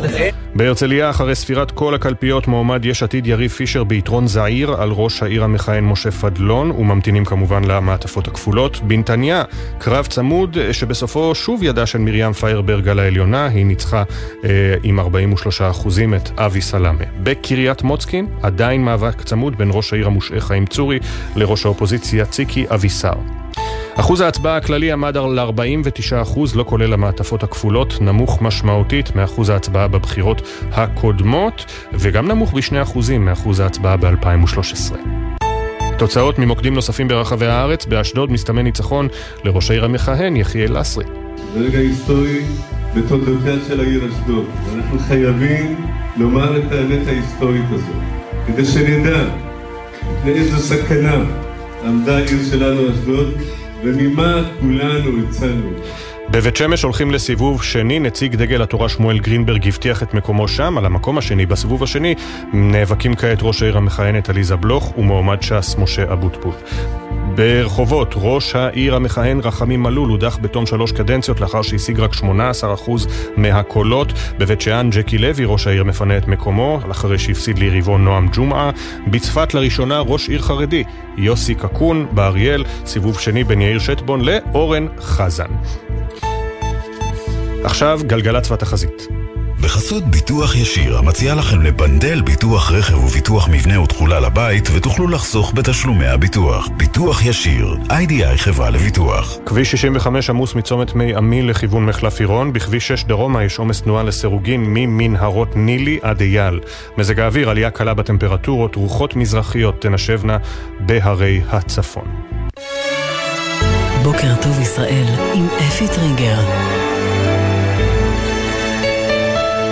705 גלי צה"ל, בוקר טוב ישראל, בוקר יום רביעי מעל ליום הבחירות לרשויות המקומיות שהתקיים אתמול אחרי דחייה ועוד דחייה ועוד אחת, ריחפה אווירה מוזרה. חגיגת הדמוקרטיה לא ממש הייתה חגיגית כשאזרחים רבים כל כך נעדרו מהקלפיות, בין אם הרחק מבתיהם בדרום ובצפון, בין אם מוחזקים בידי חמאס בעזה ובין אם היו בליבה של הלחימה שעדיין נמשכת בזירות השונות. גם הבוקר, לפני שנעסוק בהרחבה בתוצאות הבחירות, אנחנו מתבשרים על שני נופלים. אתמול בפיצוץ מטען בצפון הרצועה ועוד 12 פצועים, שבעה מהם קשה, חמישה קל. הודעות נמסרו כמובן לכל המשפחות. דורון קדוש כתבנו לענייני צבא וביטחון, שלום. שלום אפי, כן, זו הייתה תקרית קשה ורבת נפגעים. אתמול בשעות הצהריים בשכונת זייתון בדרום העיר עזה, שני נופלים מגדוד צבר של חטיבת גבעתי נהרגו באותה תקרית ועוד מספר לוחמים נפצעו. ראשית שמותיהם של החללים שאותרו הבוקר לפרסום. רב סרן יפתח שחר, בן 25, ממושב פארן, מפקד פלוגה בגדוד צבר של גבעתי, היה קצין לוחם שהתגייס ליחידת שלדג ומשם עבר לגדוד צבר, נפל באותו הקרב בצפון הרצועה. וסרן איתי סייף, בן 24 מירוחם, מפקד מחלקה בגדוד צבר של גבעתי. בנוסף לשני החללים מאותה תקרית, שבעה לוחמים נוספים מגדוד צבר נפצעו באורח קשה. באותו הקרב בצפון הרצועה, ש... אה, שבעת הלוחמים פונו לקבלת טיפול רפואי בבית חולים, ונגיד אפי שמדובר על פיצוץ של מטען בבית ממולכד שהלוחמים נכנסו אליו, המטען התפוצץ, הדבר כנראה גרם לקריסה חלקית כלשהי של המבנה שבו הם היו, וזה מה שגרם לתוצאות הקשות. יש גם חמישה לוחמים נוספים שנפצעו באורח קל ובינוני, סך הכל כ-12 נפגעים בתקרית הקשה הזו. אנחנו ביקרנו אפי רק שלשום את גדוד צבר של גבעתי בתוך שכונת זייתון בקרב, בקרבות שלהם ברצועה. בואו נשמע את הדברים שסיפר לנו מפקד הגדוד, סגן אלוף אבירן אלפסי, על הלוחמים שלו. לוחמיי זה האנשים שנלחמו ב-7 לאוקטובר. וזה האנשים הכי טובים שיש בעם ישראל עוד לפני ה-7 לאוקטובר. הם יודעים את גודל האחריות שיש לנו על הכתפיים. אני אומר, המלחמה היא קשה, היא ארוכה, אבל יש לנו את האורך רוח עוד להמשיך להילחם כמה שצריך. ולהשלים את המשימות שיש, יש עוד משימות. אנחנו רואים בעיניים עוד את המשימות.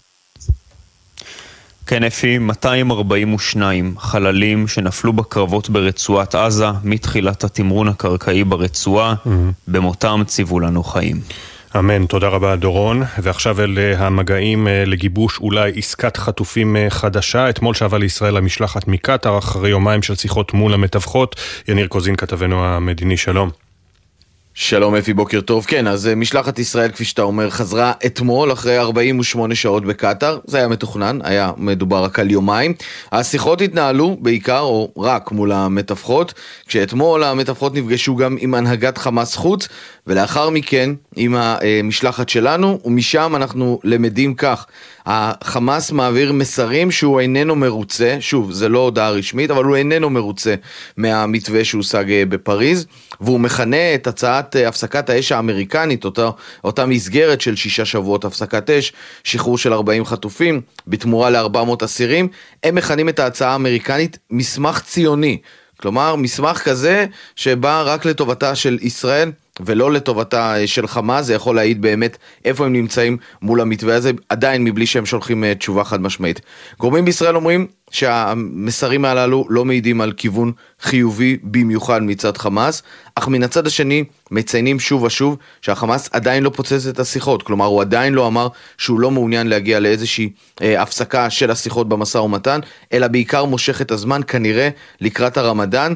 האמירות של אה, נשיא ארצות הברית ג'ו ביידן, צריך לומר, לא בצד הישראלי וגם לא בצד חמאס, ואפילו לא המתווכות, אף אחד לא מבין מאיפה הוא הביא את המשפט שעד יום שני תהיה הפסקת אש, כולם מדברים על כך שזה ייקח עוד הרבה זמן. בגדול הטענות של החמאס, כפי שהובאו בפני המתווכות, אומרים ישראל רוצה לאכול את העוגה ולהשאיר אותה שלמה. אין הסכמה לחזרה מלאה לצפון הרצועה, אין התייחסות להפסקת אש קבועה, ומספר האסירים נמוך יחסית. אלה הטענות שאנשי חמאס מעבירים אל המתווכות, וכאמור, עדיין אין תשובה סופית. אז כשחמאס מכנה את ההצעה האמריקנית מסמך אה, ציוני ועדיין לא מעביר את התשובה, כל מה שנותר לנו זה להמתין ולראות כיצד המתווכות לוחצות על חמאס, ושוב, הימים האלה הם ימים קריטיים וחשובים מאוד לקראת הרמדאן בעוד כעשרה ימים. תודה, יניר קוזין כתבנו המדיני. אנחנו חוזרים לבחירות לרשויות המקומיות, שתוצאות האמת שלהן ממשיכות להגיע גם בשעה זו. אזרחי ישראל יצאו אתמול יותר מ-11 אלף קלפיות ברחבי הארץ. עוד מעט uh, נהיה uh, עם המועמדים שניצחו או מסתמנים כמנצחים. תחילה סקירה קצרה של כתבי גלי צה"ל שעושים סדר בערים הגדולות המרכזיות. תוצאות הבחירות יוכרעו בסיבוב שני בין יונה יהב לבין דוד ציוני מחיפה, קנדה גיציס. בתום ספירת 98% מן הקולות, המועמד המוביל הוא יונה יהב, ששימש ראש העיר במשך 15 שנה. יהב עומד על כ-36% ומולו התמודד ראש בראש דוד ציוני, שגרף כ-22% מן הקולות. מדובר בתבוסה גדולה עבור ראש העיר המכהנת עינת קליש רותם, שאפילו לא תקבל מקום במועצת העיר. רון חולדאי בדרך לקדנציה שישית בתל אביב, כאן גל ג'רסי. לפי הנתונים כעת, חולדאי זכה ביותר מ-50% מהקולות, והביס את השרה לשעבר אורנה ברביבאי בקרב על ראשות העירייה. מהפך בחולון אחרי 31 שנה, ראש העיר המיתולוגי מוטי ששון הפסיד, נבחר שי קינן, ראש האופוזיציה, מחולון, כאן שירה שפי. בתום ספירת הקולות זכה קינן ב-43% ושלוש עשיריות מהמצביעים. במקום השני מורן ישראל, ושלישי ראש העיר מוטי ששון עם 17 ושמונה עשיריות. המפלגות החרדיות בירושלים השיגו רוב של 51% מהקולות בבחירות למועצת העיר, מהבחירות בבירה כאן נועה ברנס. ראש העיר הנבחר הוא משה ליאון, שהשיג יותר מ-80% מקולות הבוחרים לראשות העיר. המפלגות הליברליות, האיחוד הירושלמי, קיבלו 11.7% מקולות הבוחרים והתעוררות עם 10.5%. קריית מוצקין תחכה למעטפות הכפולות שיכריעו במאבק הצמוד בין ראש העיר המושך חיים צורי לבין ראש האופוזיציה ציקי אבישר. כאן אילי זילברברג. צורי, ראש העיר בשלושים השנה האחרונות, הושעה לאחר שהוגש נגדו כתב אישום בעבירות שוחד, מרמה והפרת אמונים, ולא יוכל לכהן לפחות בחודשים הקרובים, גם אם ייבחר.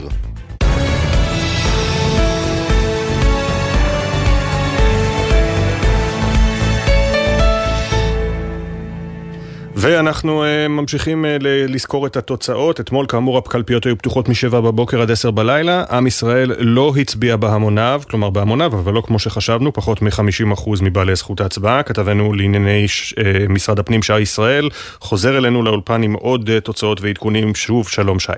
כן, בוקר טוב אפי. במשך 15 שעות כשלושה מיליון וחצי תושבים הצביעו אתמול בבחירות לרשויות המקומיות ברחבי הארץ. הם מהווים 49% מבעלי זכות הבחירה, ירידה מסוימת לעומת הנתון ב-2018. אז אחרי יום הבחירות הוא עומד על 56%.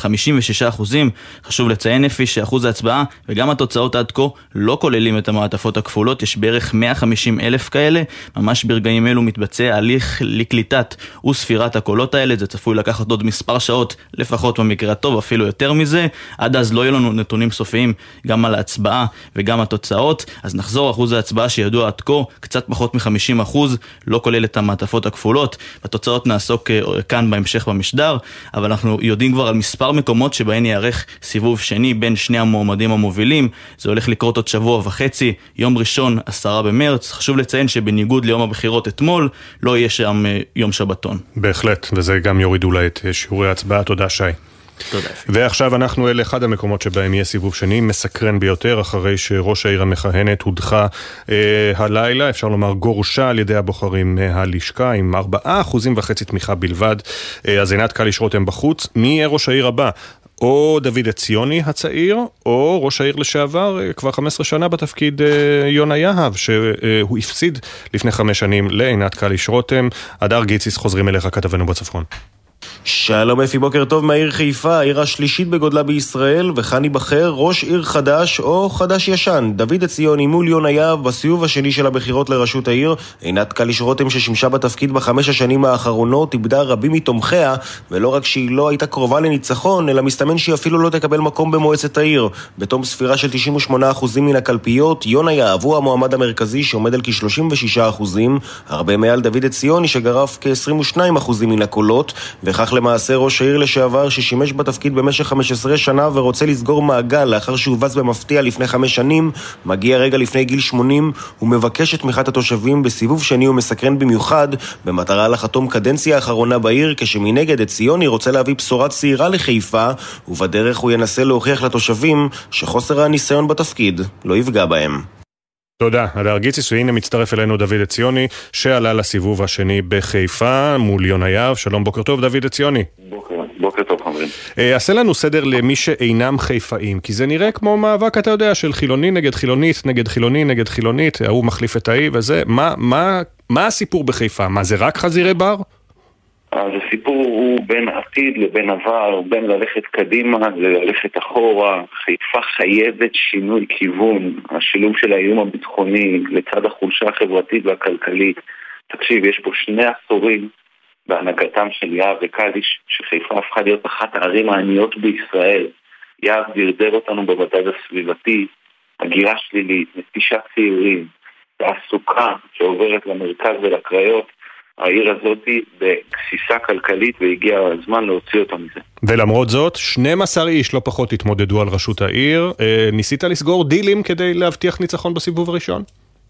קודם כל זה נכון, זה בעיקר מראה על החולשה של ראש העיר האחרונה. אה, כמובן שניסינו אה, לסגור מה שאתה אומר דילים, לסגור חברויות, אבל כל האנשים רצו לנסות את כוחם. אני בטוח שלקראת הסיבוב שני רבים מהם התאחדו סביבי, כי העיר הזאת משוועת למשהו חדש, למשהו צעיר.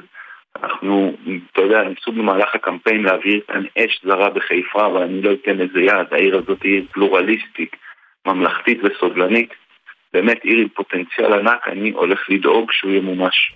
אה, עוד מועמד בולט, ניצב בדימוס יעקב בורובסקי, אתה תנסה לגייס את תמיכתו?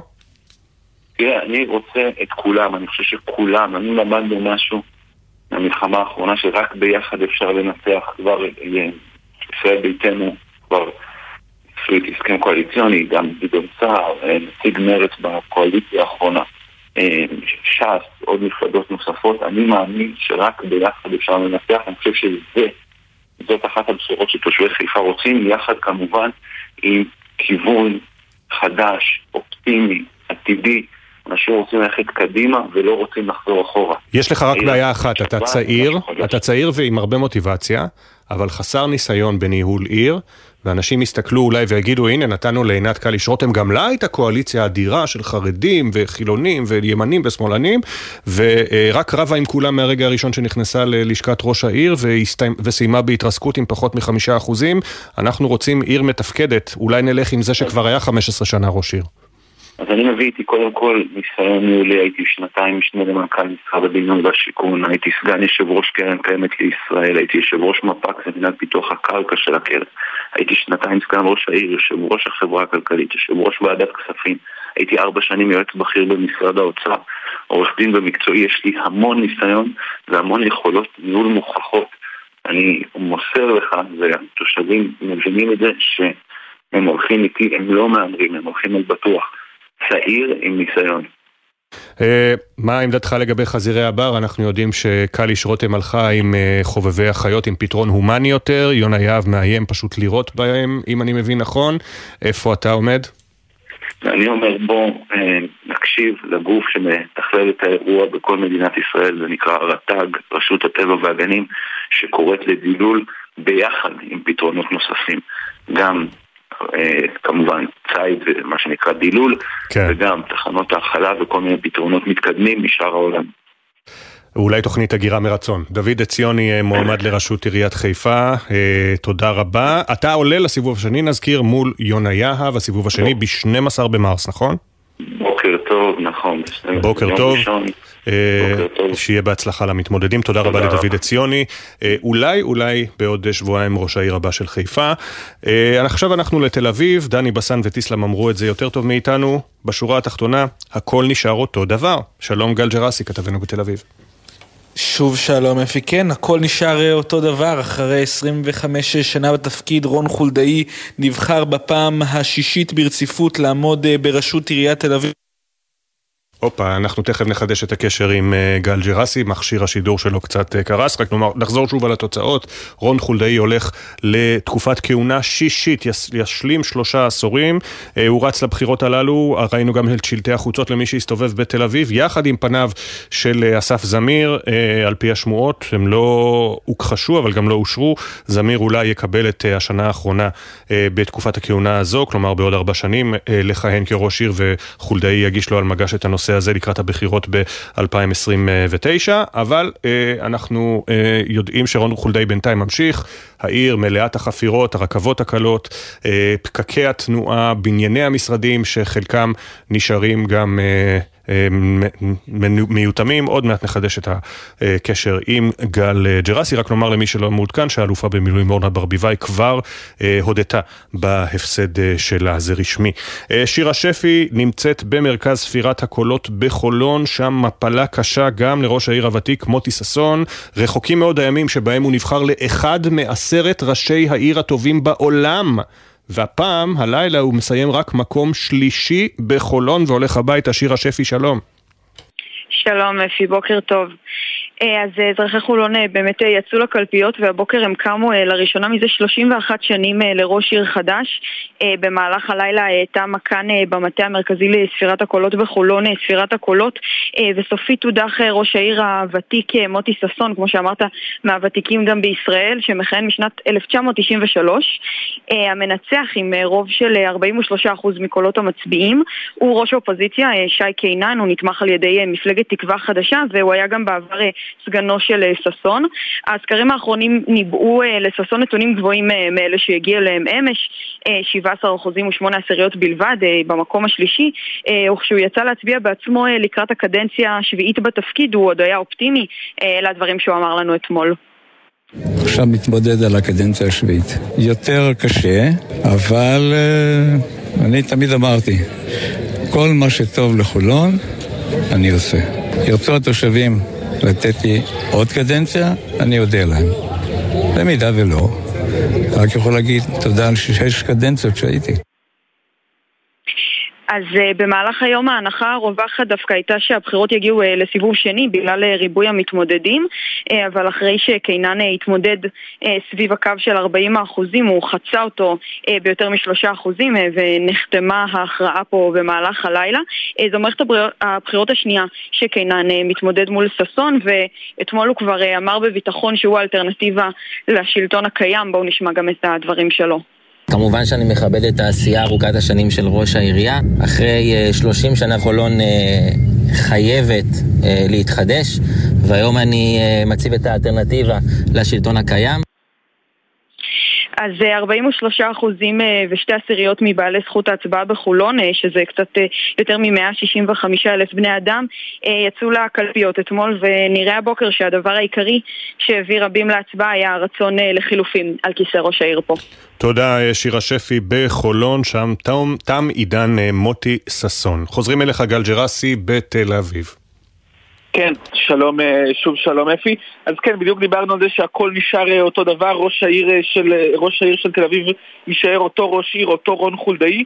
הנתונים המעודכנים שבידינו הוא הם שחולדאי קיבל קצת יותר מ-50% מהקולות לעומת השרה לשעבר אורנה ברביבאי שקיבלה כ-40% מן הקולות. קיבלנו גם הודעה ראשונה של ברביבאי נוכח ההפסד שלה בבחירות. היא כותבת בחשבון הטוויטר שלה בהצלחה לרון חולדאי שימשיך לכהן כראש עיריית תל אביב. תודה לכל מי שתמך בי.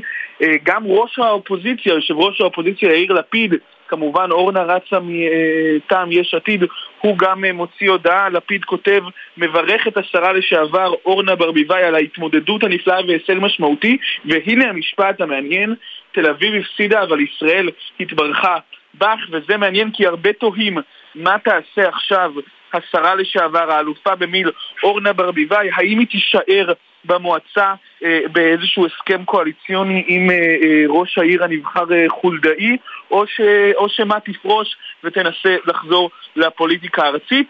ועוד נקודה קצרה על תל אביב, אנחנו עדיין מחכים לתוצאות האמת על הבחירות למועצה, למועצת העיר. שם גם צפויות, אה, אה, צפויים כמה דברים מעניינים, כי כן אה, הרשימה של חולדאי כן צפויה לקבל איזושהי מכה, ולכן זה יהיה מעניין לראות איך הקואליציה במועצת העיר תל אביב תיראה לאחר הבחירות האלה. תודה, גל ג'רסי בתל אביב.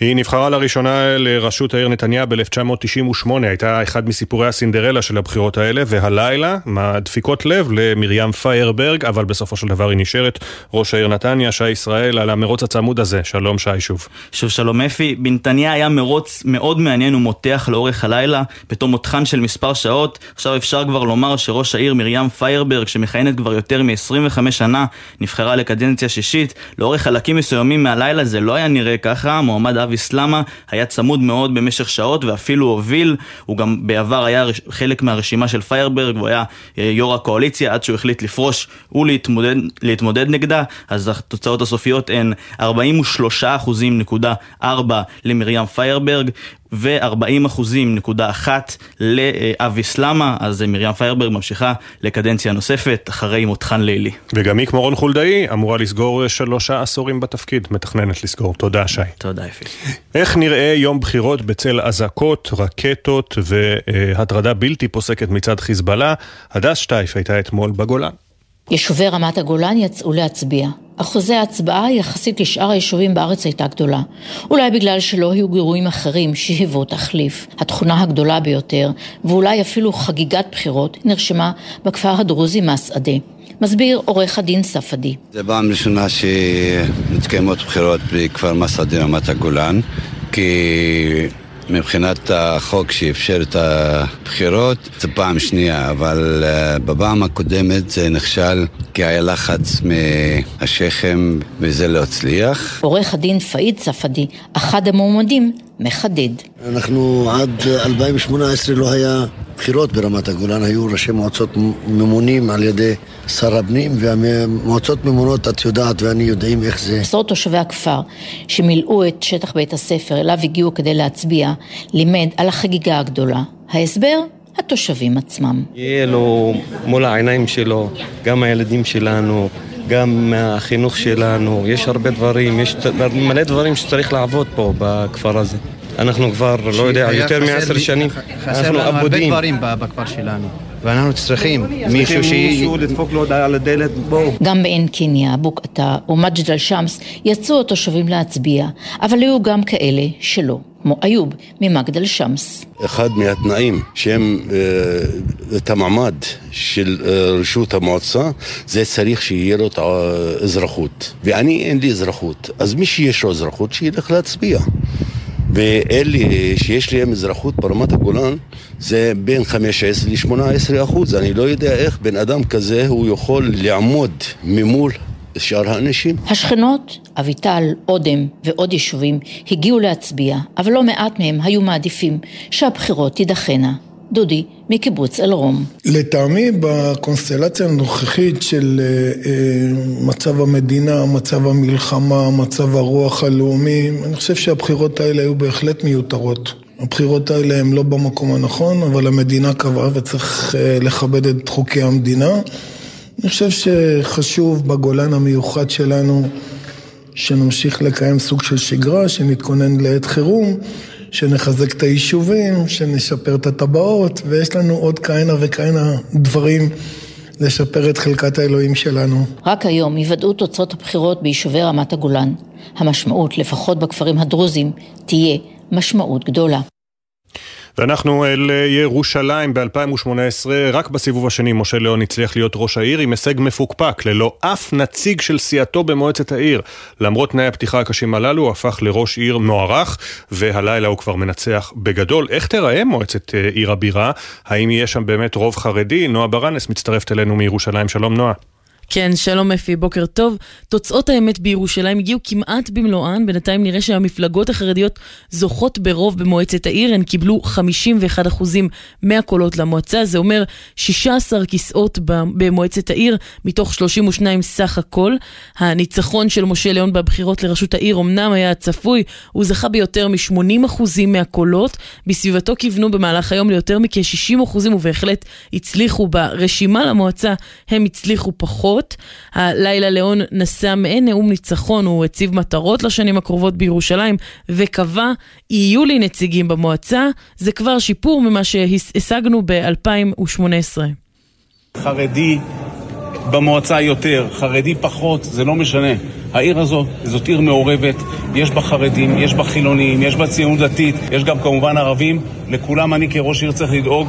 הוכחתי את זה בחמש שנים הקרובות, בעזרת השם אני גם אדאג לזה בחמש שנים הבאות. אין ספק שבמועצה הזו יש לי נציגים. כן, במועצה הזו אכן ללאון יש נציגים, הם לא רבים. כרגע נראה שיהיו שני נציגים בלבד, אבל זה אכן יותר ממה שהיה לו בבחירות הקודמות, אז הרשימה בהובלתו בכלל לא עברה את אחוז החסימה. המפלגות הליברליות בירושלים, האיחוד הירושלמי בראשות יוסי חביליו, שהפסיד ללאון בבחירות לרשות, הם הגיעו בעצם ל-11 אחוז ו-7 עשיריות, ובהתעוררות מפלגת הצעירים הגיעו ל-10 אחוזים וחצי. בנוסף, נראה שמפלגת נועם מצליחה הפעם לעבור את אחוז החסימה. אלה כמובן הקולות לפני ספירת המעטפות הכפולות, קולות החיילים, אה, וייתכן שהם גם ישפיעו על התוצאות שאנחנו רואים כרגע. נועה ברנס בירושלים, תודה. תודה רבה. שבע ושלושים ועוד חצי דקה הכותרות. הותרו לפרסום שמותיהם של שני קציני אה, גבעתי שנפלו אתמול בצפון רצועת עזה, הודעות נמסרו למשפחותיהם. רב סרן יפתח שחר, בן 25 ממושב פארן, סרן איתי סף, בן 24 מירוחם יהי זכרם ברוך. הם נהרגו בפיצוץ מטען בצפון הרצועה ובאותו אירוע נפצעו קשה שבעה לוחמים מגדוד צבר ועוד חמישה חיילים קל. כל הפצועים פונו לטיפול רפואי בבתי חולים ומשפחותיהם עודכנו. הבחירות לרשויות המקומיות, תוצאות האמת. חיפה הולכת לסיבוב שני, אחרי שראש העירייה עינת קליש רותם הודחה בתום קדנציה אחת עם פחות מחמישה אחוזי תמיכה. יונה יהב, שכיהן כראש העיר במשך 15 שנה, התמודד בסיבוב השני מול דוד עציוני, ששוחח איתנו בבוקר טוב ישראל, בין היתר על אחת הסוגיות הבוערות מבחינת התושבים, בעיית חזירי הבר.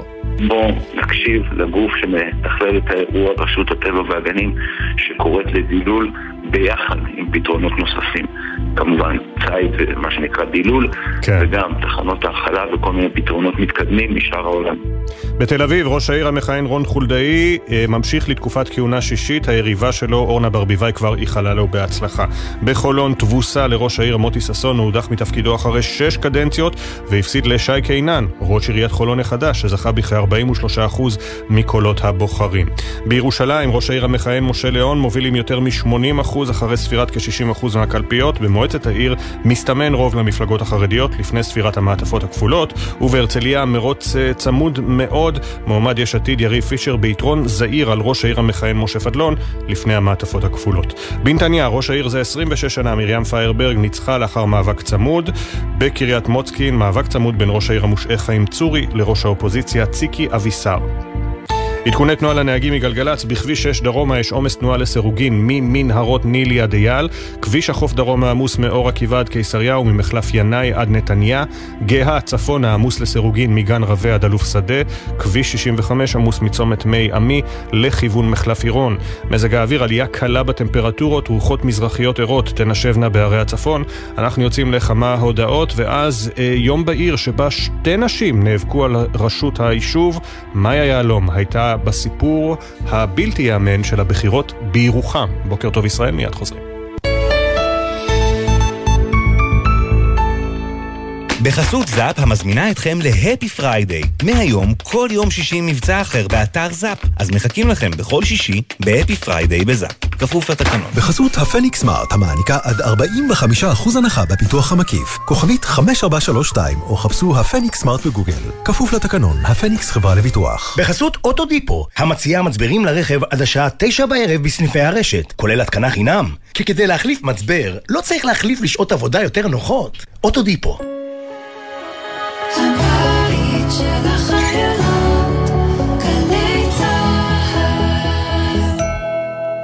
כל סיפור שנגדע ב-7 באוקטובר, נכתבים עוד אלפי סיפורים של תקווה וניצחון הרוח. טקס פרס ספיר לספרות של מפעל הפיס מתארח השנה באופקים, וישודר בחמישה במרס בקשת 12. את הסיפור שלנו אי אפשר להפסיק. מפעל הפיס, הכל חוזר לקהילה. אישה 2024, יצירה נשית בתיאטרון חולון.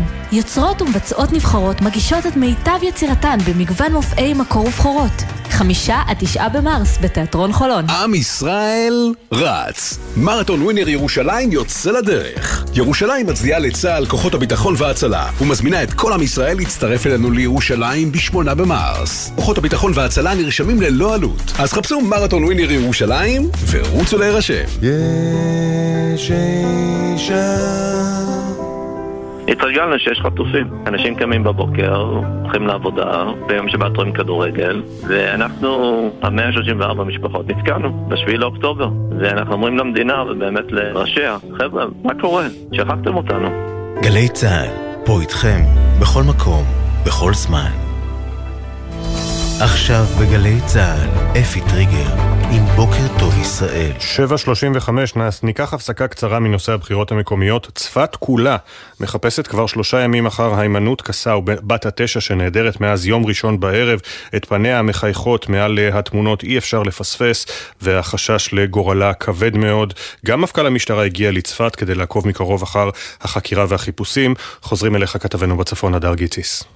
כן, שלום אפי, זה נכון, תעלומה גדולה מאוד ובמרכזה השאלה, היכן ההמנות קסאו, בת התשע מצפת, שיצאה מביתה בראשון בערב לגן משחקים, ובחלוף חצי שעה, סמוך לשעה שבע, נעלמו עקבותיה. זה היום הרביעי לחיפושים הנרחבים והסריקות בשטח שמבצעים שוטרי המחוז הצפוני, לצד מאות מתנדבים ממגוון גופים וארגונים.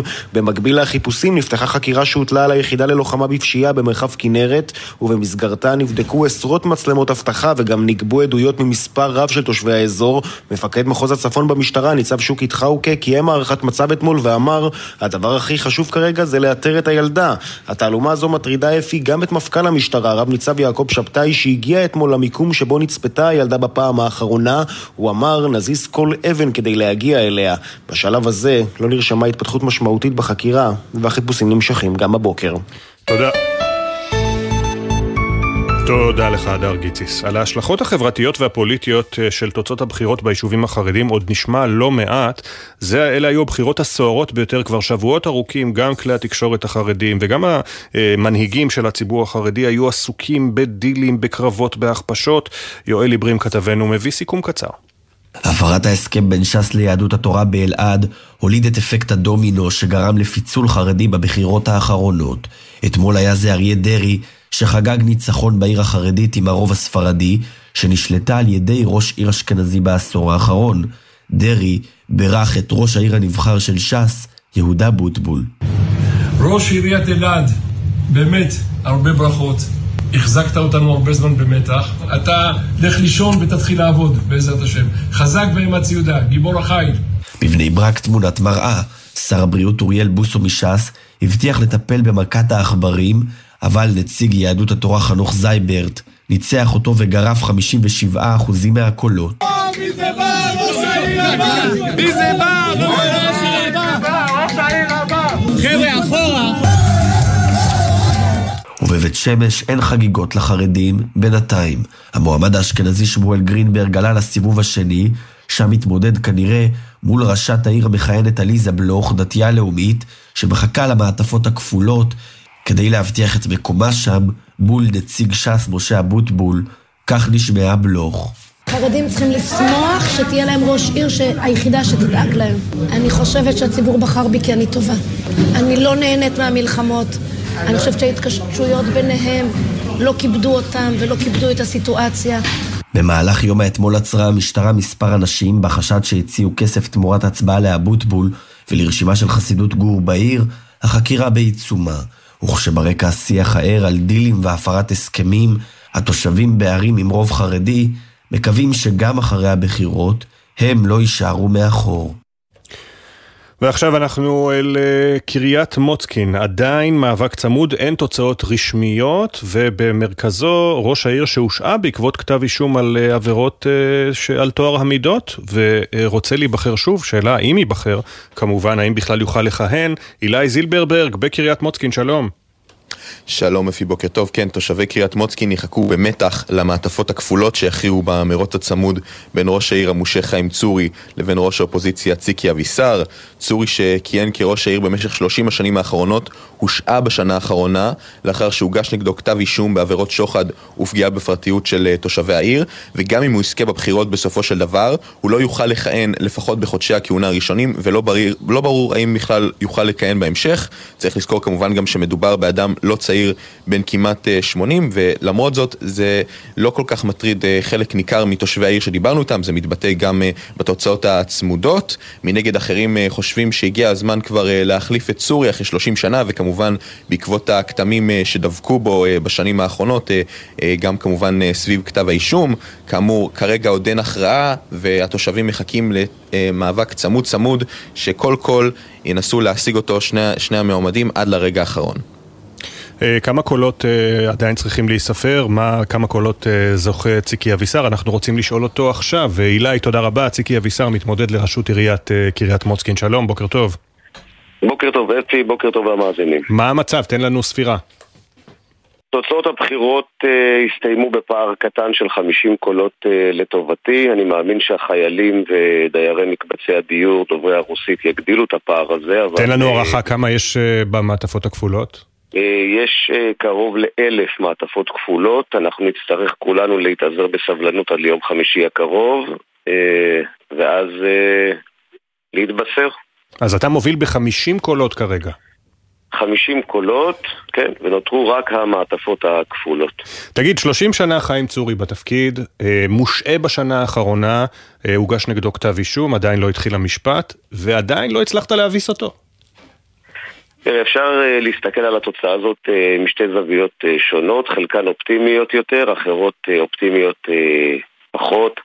הזווית האופטימית כפי שאני רואה, זה ההתארגנות העצמאית של ציבור מאוד מגוון במוצקין, שזיהה את אה, חולשת המדינה ואת אה, חולשת מערכות אכיפת החוק, והחליט לעשות בעצמו סוף לשלטון המקומי שהסתאב במוצקין.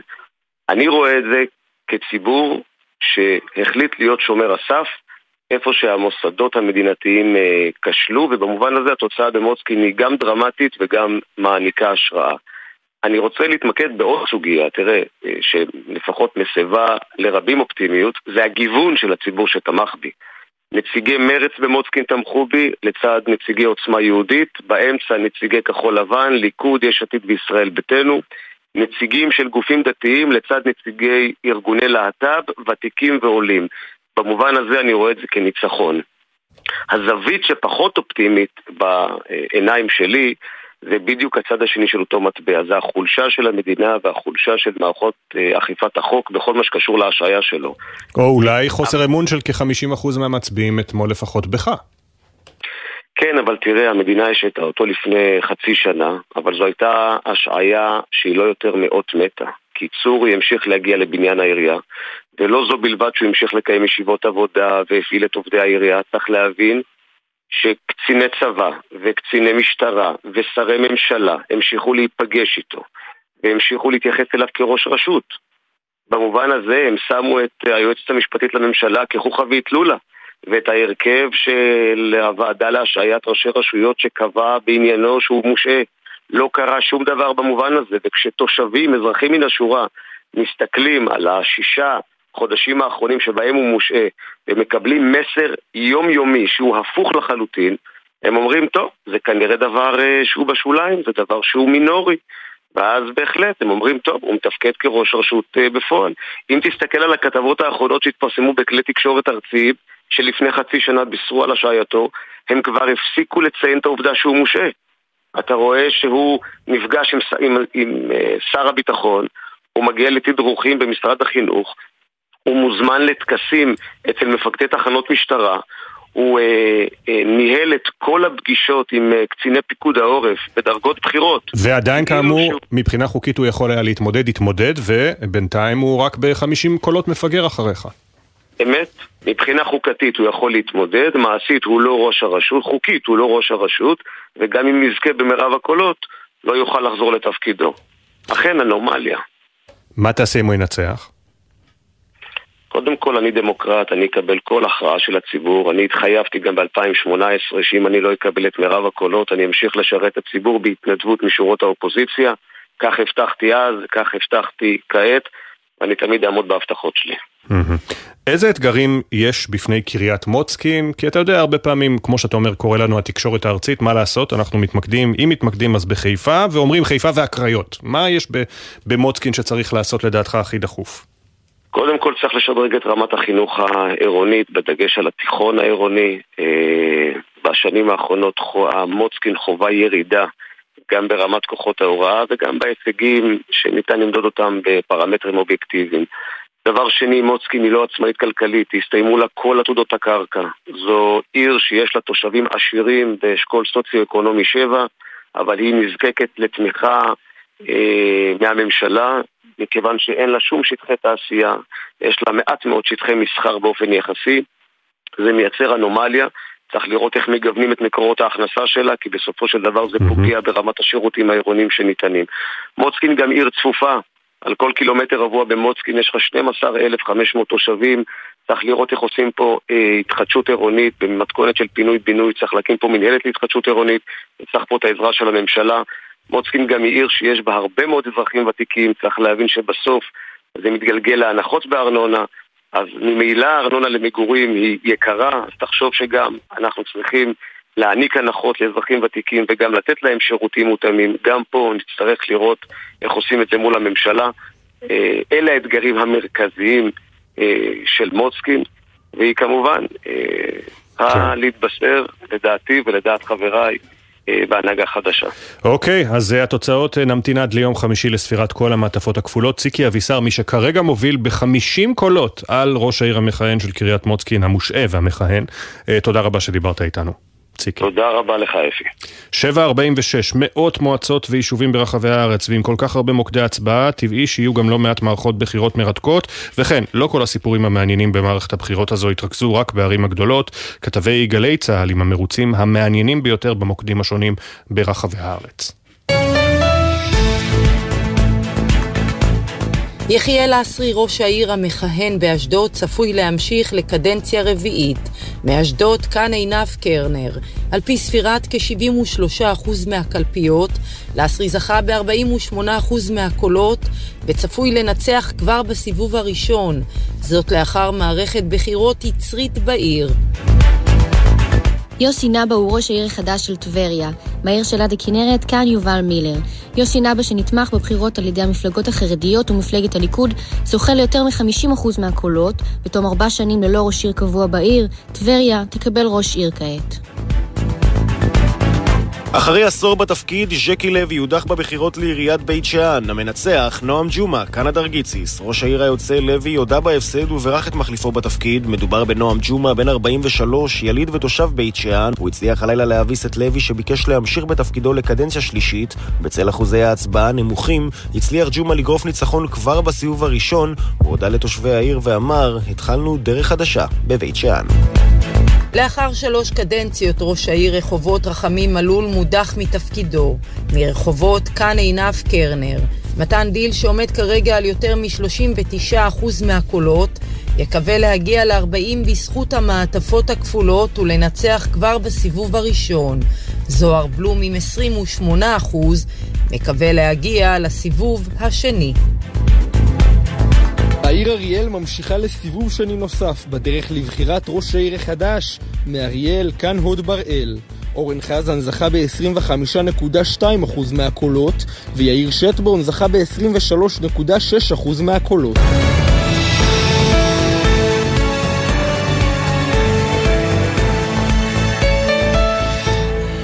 ועוד כמה תוצאות מעניינות מרחבי הארץ, חלקן כבר הזכרנו, חלקן אה, עוד לא הספקנו. צפת, לראשונה ראש עיר חרדי בראשות צפת, יוסי קקון, ניצח את ראש העיר מהליכוד שוקי אוחנה. בהרצליה צמוד צמוד בין יריב פישר, מועמד יש עתיד, לראש העיר המכהן משה פדלון, גם שם יחכו למעטפות הכפולות, גם בכפר סבא, שם רפי סער מנצח בינתיים בקושי את הדר לביא, עדיין לא תוצאות סופיות. ראש העין, המועמד רז שגיא, מנצח בפער את, אה, אחרי שראש העיר המכהן שלום בן משה, לשעבר הכחר, לא מתמודד. אה, ובערד, יאיר מעיין, מנכ"ל רשות הבדואים עד לא מזמן, אה, הדיח את אה, ראש העיר המכהן של ערד, ניסן בן חמו. יאיר מעיין יהיה ראש עיריית ערד. שימו לב לזה, רק העשרה אחוזים מהמתמודדים בבחירות לרשויות המקומיות הן מתמודדות נשים. בירוחם הן הרוב, שתי נשים צעירות התחרו אתמול על ראשות המועצה המקומית בקרב ראש בראש, עכשיו כבר אפשר להגיד בביטחון, נילי אהרון היא ראש המועצה הנכנסת, היא ניצחה את טל אוחנה שכיהנה כהונה אחת בתפקיד. מאיה יהלום כתבתנו התלוותה לתושבי ירוחם לאורך יום הבחירות, ושמעה את התושבים שלא מבינים למה אנחנו כל כך מופתעים מהקרב הנשי בירוחם. ואני ממש מתרגש מה שאני אומר לך, כי, כי אכפת לנו מירוחם. שיהיה קרב, אבל מה שחשוב, לפתח את המקום שלנו. הילדים שלנו לא, לא רוצים להישאר פה כי ירוחם לא, לא מתקדמת. ירדנו לירוחם לשתות פחית של צהריים במרכז המסחרי המאובק ירוחם לא מתקדמת, אומר לנו בייאוש שלמה סולומון בן ה-70 שנולד וגדל כאן. גם המרכז המסחרי המאובק שמאיר אריאל כתב עליו ב-1987 נותר כמעט זהה, אבל בין הביקור במרכז המסחרי לשיחה עם שלמה פגשנו שתי מתמודדות שהייאוש לא דבק בהן, גם לא תכתיבי השלטון הגברי. האחת נילי אהרון, ראש המועצה הנכנסת שרצה מטעם הליכוד ועוצמה יהודית, השנייה טל אוחנה, ראש המועצה היוצאת שרצה עצמאית לכהונה שנייה. זה היה למעשה שחזור של המרוץ ב-2018, אז אוחנה ניצחה עם 58% מהקולות, נכנסה לתפקיד בכל תרועה, והפכה לראש המועצה האישה הראשונה בירוחם.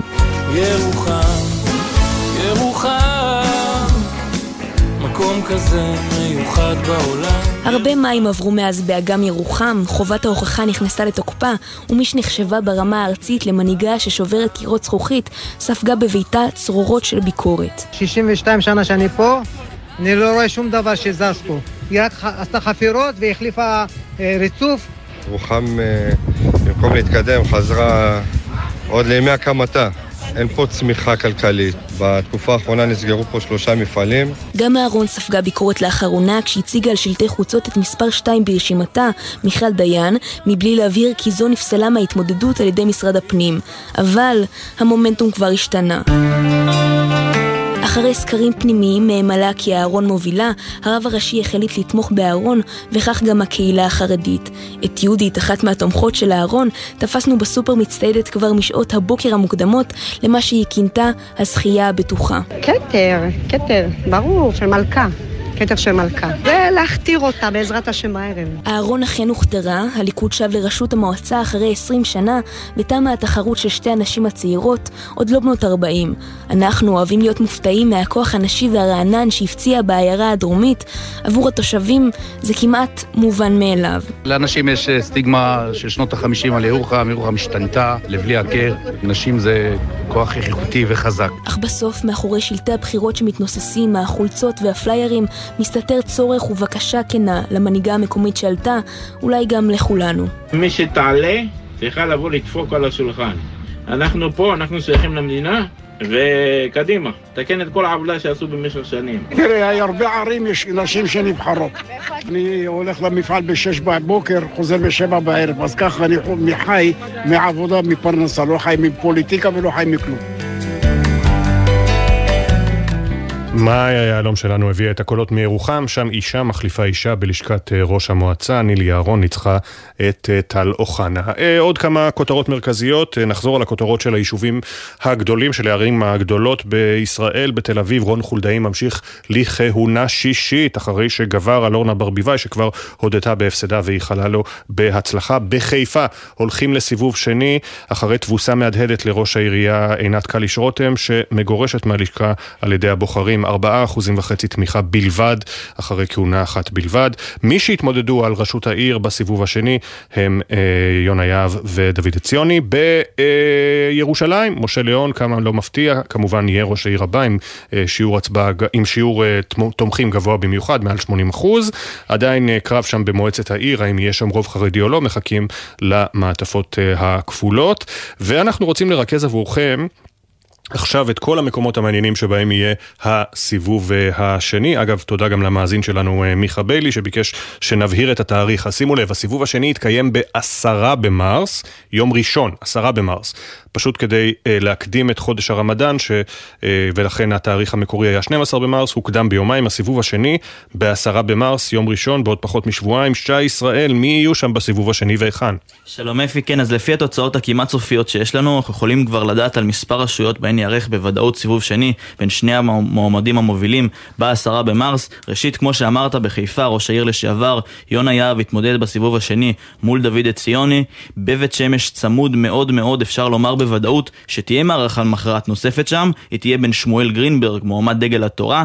כרגע, ראש העיר המכהנת, עליזה בלוך, תתמודד מולו, אבל היא מובילה בסך הכל בחצי אחוז על משה אבוטבול, כך שהמעטפות הכפולות יכריעו את זאת, זהות המועמדים בסיבוב השני. באריאל, מתוך שבעה מועמדים, יוצאים שניים, חבר הכנסת לשעבר אורן חזן התמודד מול, מול יאיר שטיבון, גם באפרת סיבוב שני, ראש המועצה המכהן עודד רביבי התמודד מול אה, דובי שפלר, גם בנס ציונה לפי התוצאות, ראש העיר המכהן שמואל בוקסטר לא קיבל 40 אחוזים, הולכים לסיבוב שני נגד המועמד תומר תדהר, בקריית גת ראש העיר המכהן זה 20 שנה, אבירם דהרי התמודד מול כפיר סוויסה על ראשות העיר, ובטירת הכרמל ראש העיר המכהן טל אריה הודח, התקיים סיבוב שני בין המועמדים אליהו כהן לדודו כהן. גם ברחובות ראש העיר המכהן זה 15 שנה, רחמים מלול הודח ולא יעלה לסיבוב השני, שבינתיים מתקיים, צריך לומר, בין המועמדים אה, זוהר בלום למתן דיל. מתן דיל קרוב מאוד להשיג 40 אחוזים, שבעצם יבטלו את הסיבוב השני, זה יהיה תלוי בקולות החיילים. וכאמור, הסיבוב השני בעשרה במרס. תודה רבה שוב, שי. תודה, אפי. מאשקלון ועד לתל אביב, גם את יום השבתון של הבחירות המקומיות ניצלו משפחות החטופים להמשיך במאבקן להשבת יקיריהן אחרי יותר מ-140 יום בעזה. היום זה היום ה-145. באוטובוס מיוחד שהוצב לכבוד האירוע סיירו המשפחות במוקדים מרכזיים ברחבי הארץ, בין כרזות הבחירות והרחובות הומי האדם, כדי להזכיר לציבור הבוחרים ולציבור המבלים, אנא, בחרו קודם כל בחטופים. יוני זילברמן כתבנו התלווה עליהם למסע. זה יום שבתון, ונראה שדברים ממשיכים כרגיל, אבל החיים שלנו בעצם תקועים ב-7 באוקטובר. למי שהסתובב אתמול ברחבי הערים הגדולות בארץ, נדמה כי למראית עין הכל חזר לשגרה, מהרחובות הסוענים ועד לקניונים המלאים עד אפס מקום. אולם פלח מסוים באוכלוסייה עדיין נאלץ לחיות בשגרה שונה בתכלית כבר 145 יום. אלי שטיבי, שבנו עידן חטוף בעזה, שיתף. פתאום מדברים על יום חופש ודוכנים וקמפינג, בעצם שכחו את החטופים היום. אנחנו באנו לפה להזכיר להם את החטופים ושבוחרים בחטופים. מאוד הייתי רוצה שכולם יחזרו לשגרה, אבל בואו, קודם כל החטופים. במהלך יום הבחירות סיירו משפחות החטופים במוקדים מרכזיים שונים, מאשקלון ועד לתל אביב בדרישה, בחרו גם בחטופים. איילת, אשתו של רון בנימין, שנחטף במהלך רכיבה על אופניים בעוטף, סיפרה. אני התחלתי את הפעילות שלי בבוקר בעיר שלנו ברחובות, איפה שרון היה אמור אה, לבחור. יום עמוס, רצינו שרון יהיה איתנו ביום הזה ויעזור לנו לבחור. זה עדיין לא קורה, זה יקרה. המשפחות התניידו באוטובוס שהוצב במיוחד עבור האירוע. נדב, בנו של ליאור רודאייף, שנחטף מניר יצחק, סיפר על היחסים הקרובים בין משפחות החטופים. הקשר הזה הפך להיות מאוד מאוד קרוב, מאוד מאוד הדוק, אנחנו כואבים ביחד, אנחנו צוחקים ביחד, אנחנו כועסים ביחד, אבל אנחנו באמת באיזשהו מקום הבנו שאנחנו נבחרנו כדי שבתקווה חטופים יחזרו למדינה קצת יותר מאוחדת ומאוגדת. אביבית, שאחיה חנניה בלונקה נחטף מהמסיבה ברעים, סיכמה את פעילות המשפחות. אירוע מאוד חשוב. אם אנשים עוצרים ומדברים ושואלים שאלות, עשינו את שלנו פה היום. הזדמנות להראות את זה, שגם ביום כזה, שכולם עסוקים, הם בוחרים בחטופים, לפני הכל. הבוקר יימשך מאבקן של משפחות החטופים בצעדת ענק של ארבעה ימים מחניון רעים בעוטף ועד לבית ראש הממשלה, תחת הכותרת מתאחדים לשחרור החטופים. כן, הצעדה הגדולה הזאת תצא הבוקר, כמו שסיפר אה, יוני זילברמן, והיום זה היום המאה 45 אה, למלחמה, ואנחנו ממשיכים במסורת שהתחלנו, מסורת שאנו מקווים שתסתיים במהרה. לא נפרדים לפני שנציין, הבוקר יש עדיין 134 חטופים בעזה, עם בני משפחות שמחכים להם. אחד מהם הוא שמעון אטיאס, הדוד של אה, עמית בוסקילה, שמוחזקת בעזה. שמי שמעון אטיאס, דודה של החטופה עמית בוסקילה. עמית יקרה שלנו, אנחנו מתגעגעים אלייך. עוד קצת עמית יקרה שלי, עוד קצת. את לוחמנית ואת תילחמי, ועוד קצת את איתנו בבית, בעזרת השם. שולחים לך חיבוק חם, דוד שמעון מחכה לך. אימא וסיאל וכל המשפחה אוהבים אותך, חיים שלי. כן, אה, אז אנחנו מסיימים את המשדר המיוחד שלנו, בוקר טוב ישראל, עם אה, תוצאות האמת של הבחירות המקומיות. כמובן, אה, בהמש... עוד תוצאות בהמשך שידורי גלי צה"ל לאורך היום, ויש הרבה מאוד מקומות שממתינים למעטפות הכפולות, שספירתן אמורה להסתיים עד מחר, עד יום חמישי. העורך הראשי של בוקר טוב ישראל הוא שרון קינן, עורכת המשנה שחר קנוטובסקי, המפיקה הראשית של בוקר טוב ישראל גם הבוקר אורי שילה, לצידה ניב וויליאמס, על הביצוע הטכני אלון סמיד. בפיקוח הטכני דני אור, עורכת הדיגיטל, הדר ברלין. תודה גם למשה טורקיה. אחרי כותרות שמונה ספי עובדיה ויניר קוזין, אנחנו מזכירים בני משפחות שמעוניינים להשתתף במיזם מאחורי השמות, שבו מדי יום ראשון אנו מספרים משהו קטן על מי שהיו ואינם. מוזמנים לשלוח לנו סיפור או חוויה אישית למייל זיכרון שטרודל glz.co.il, זיכרון עם K. אה, אנחנו ניפגש פה שוב מחר, יום חמישי, שש בבוקר. עוד יבואו ימים טובים יותר. בוקר טוב ישראל.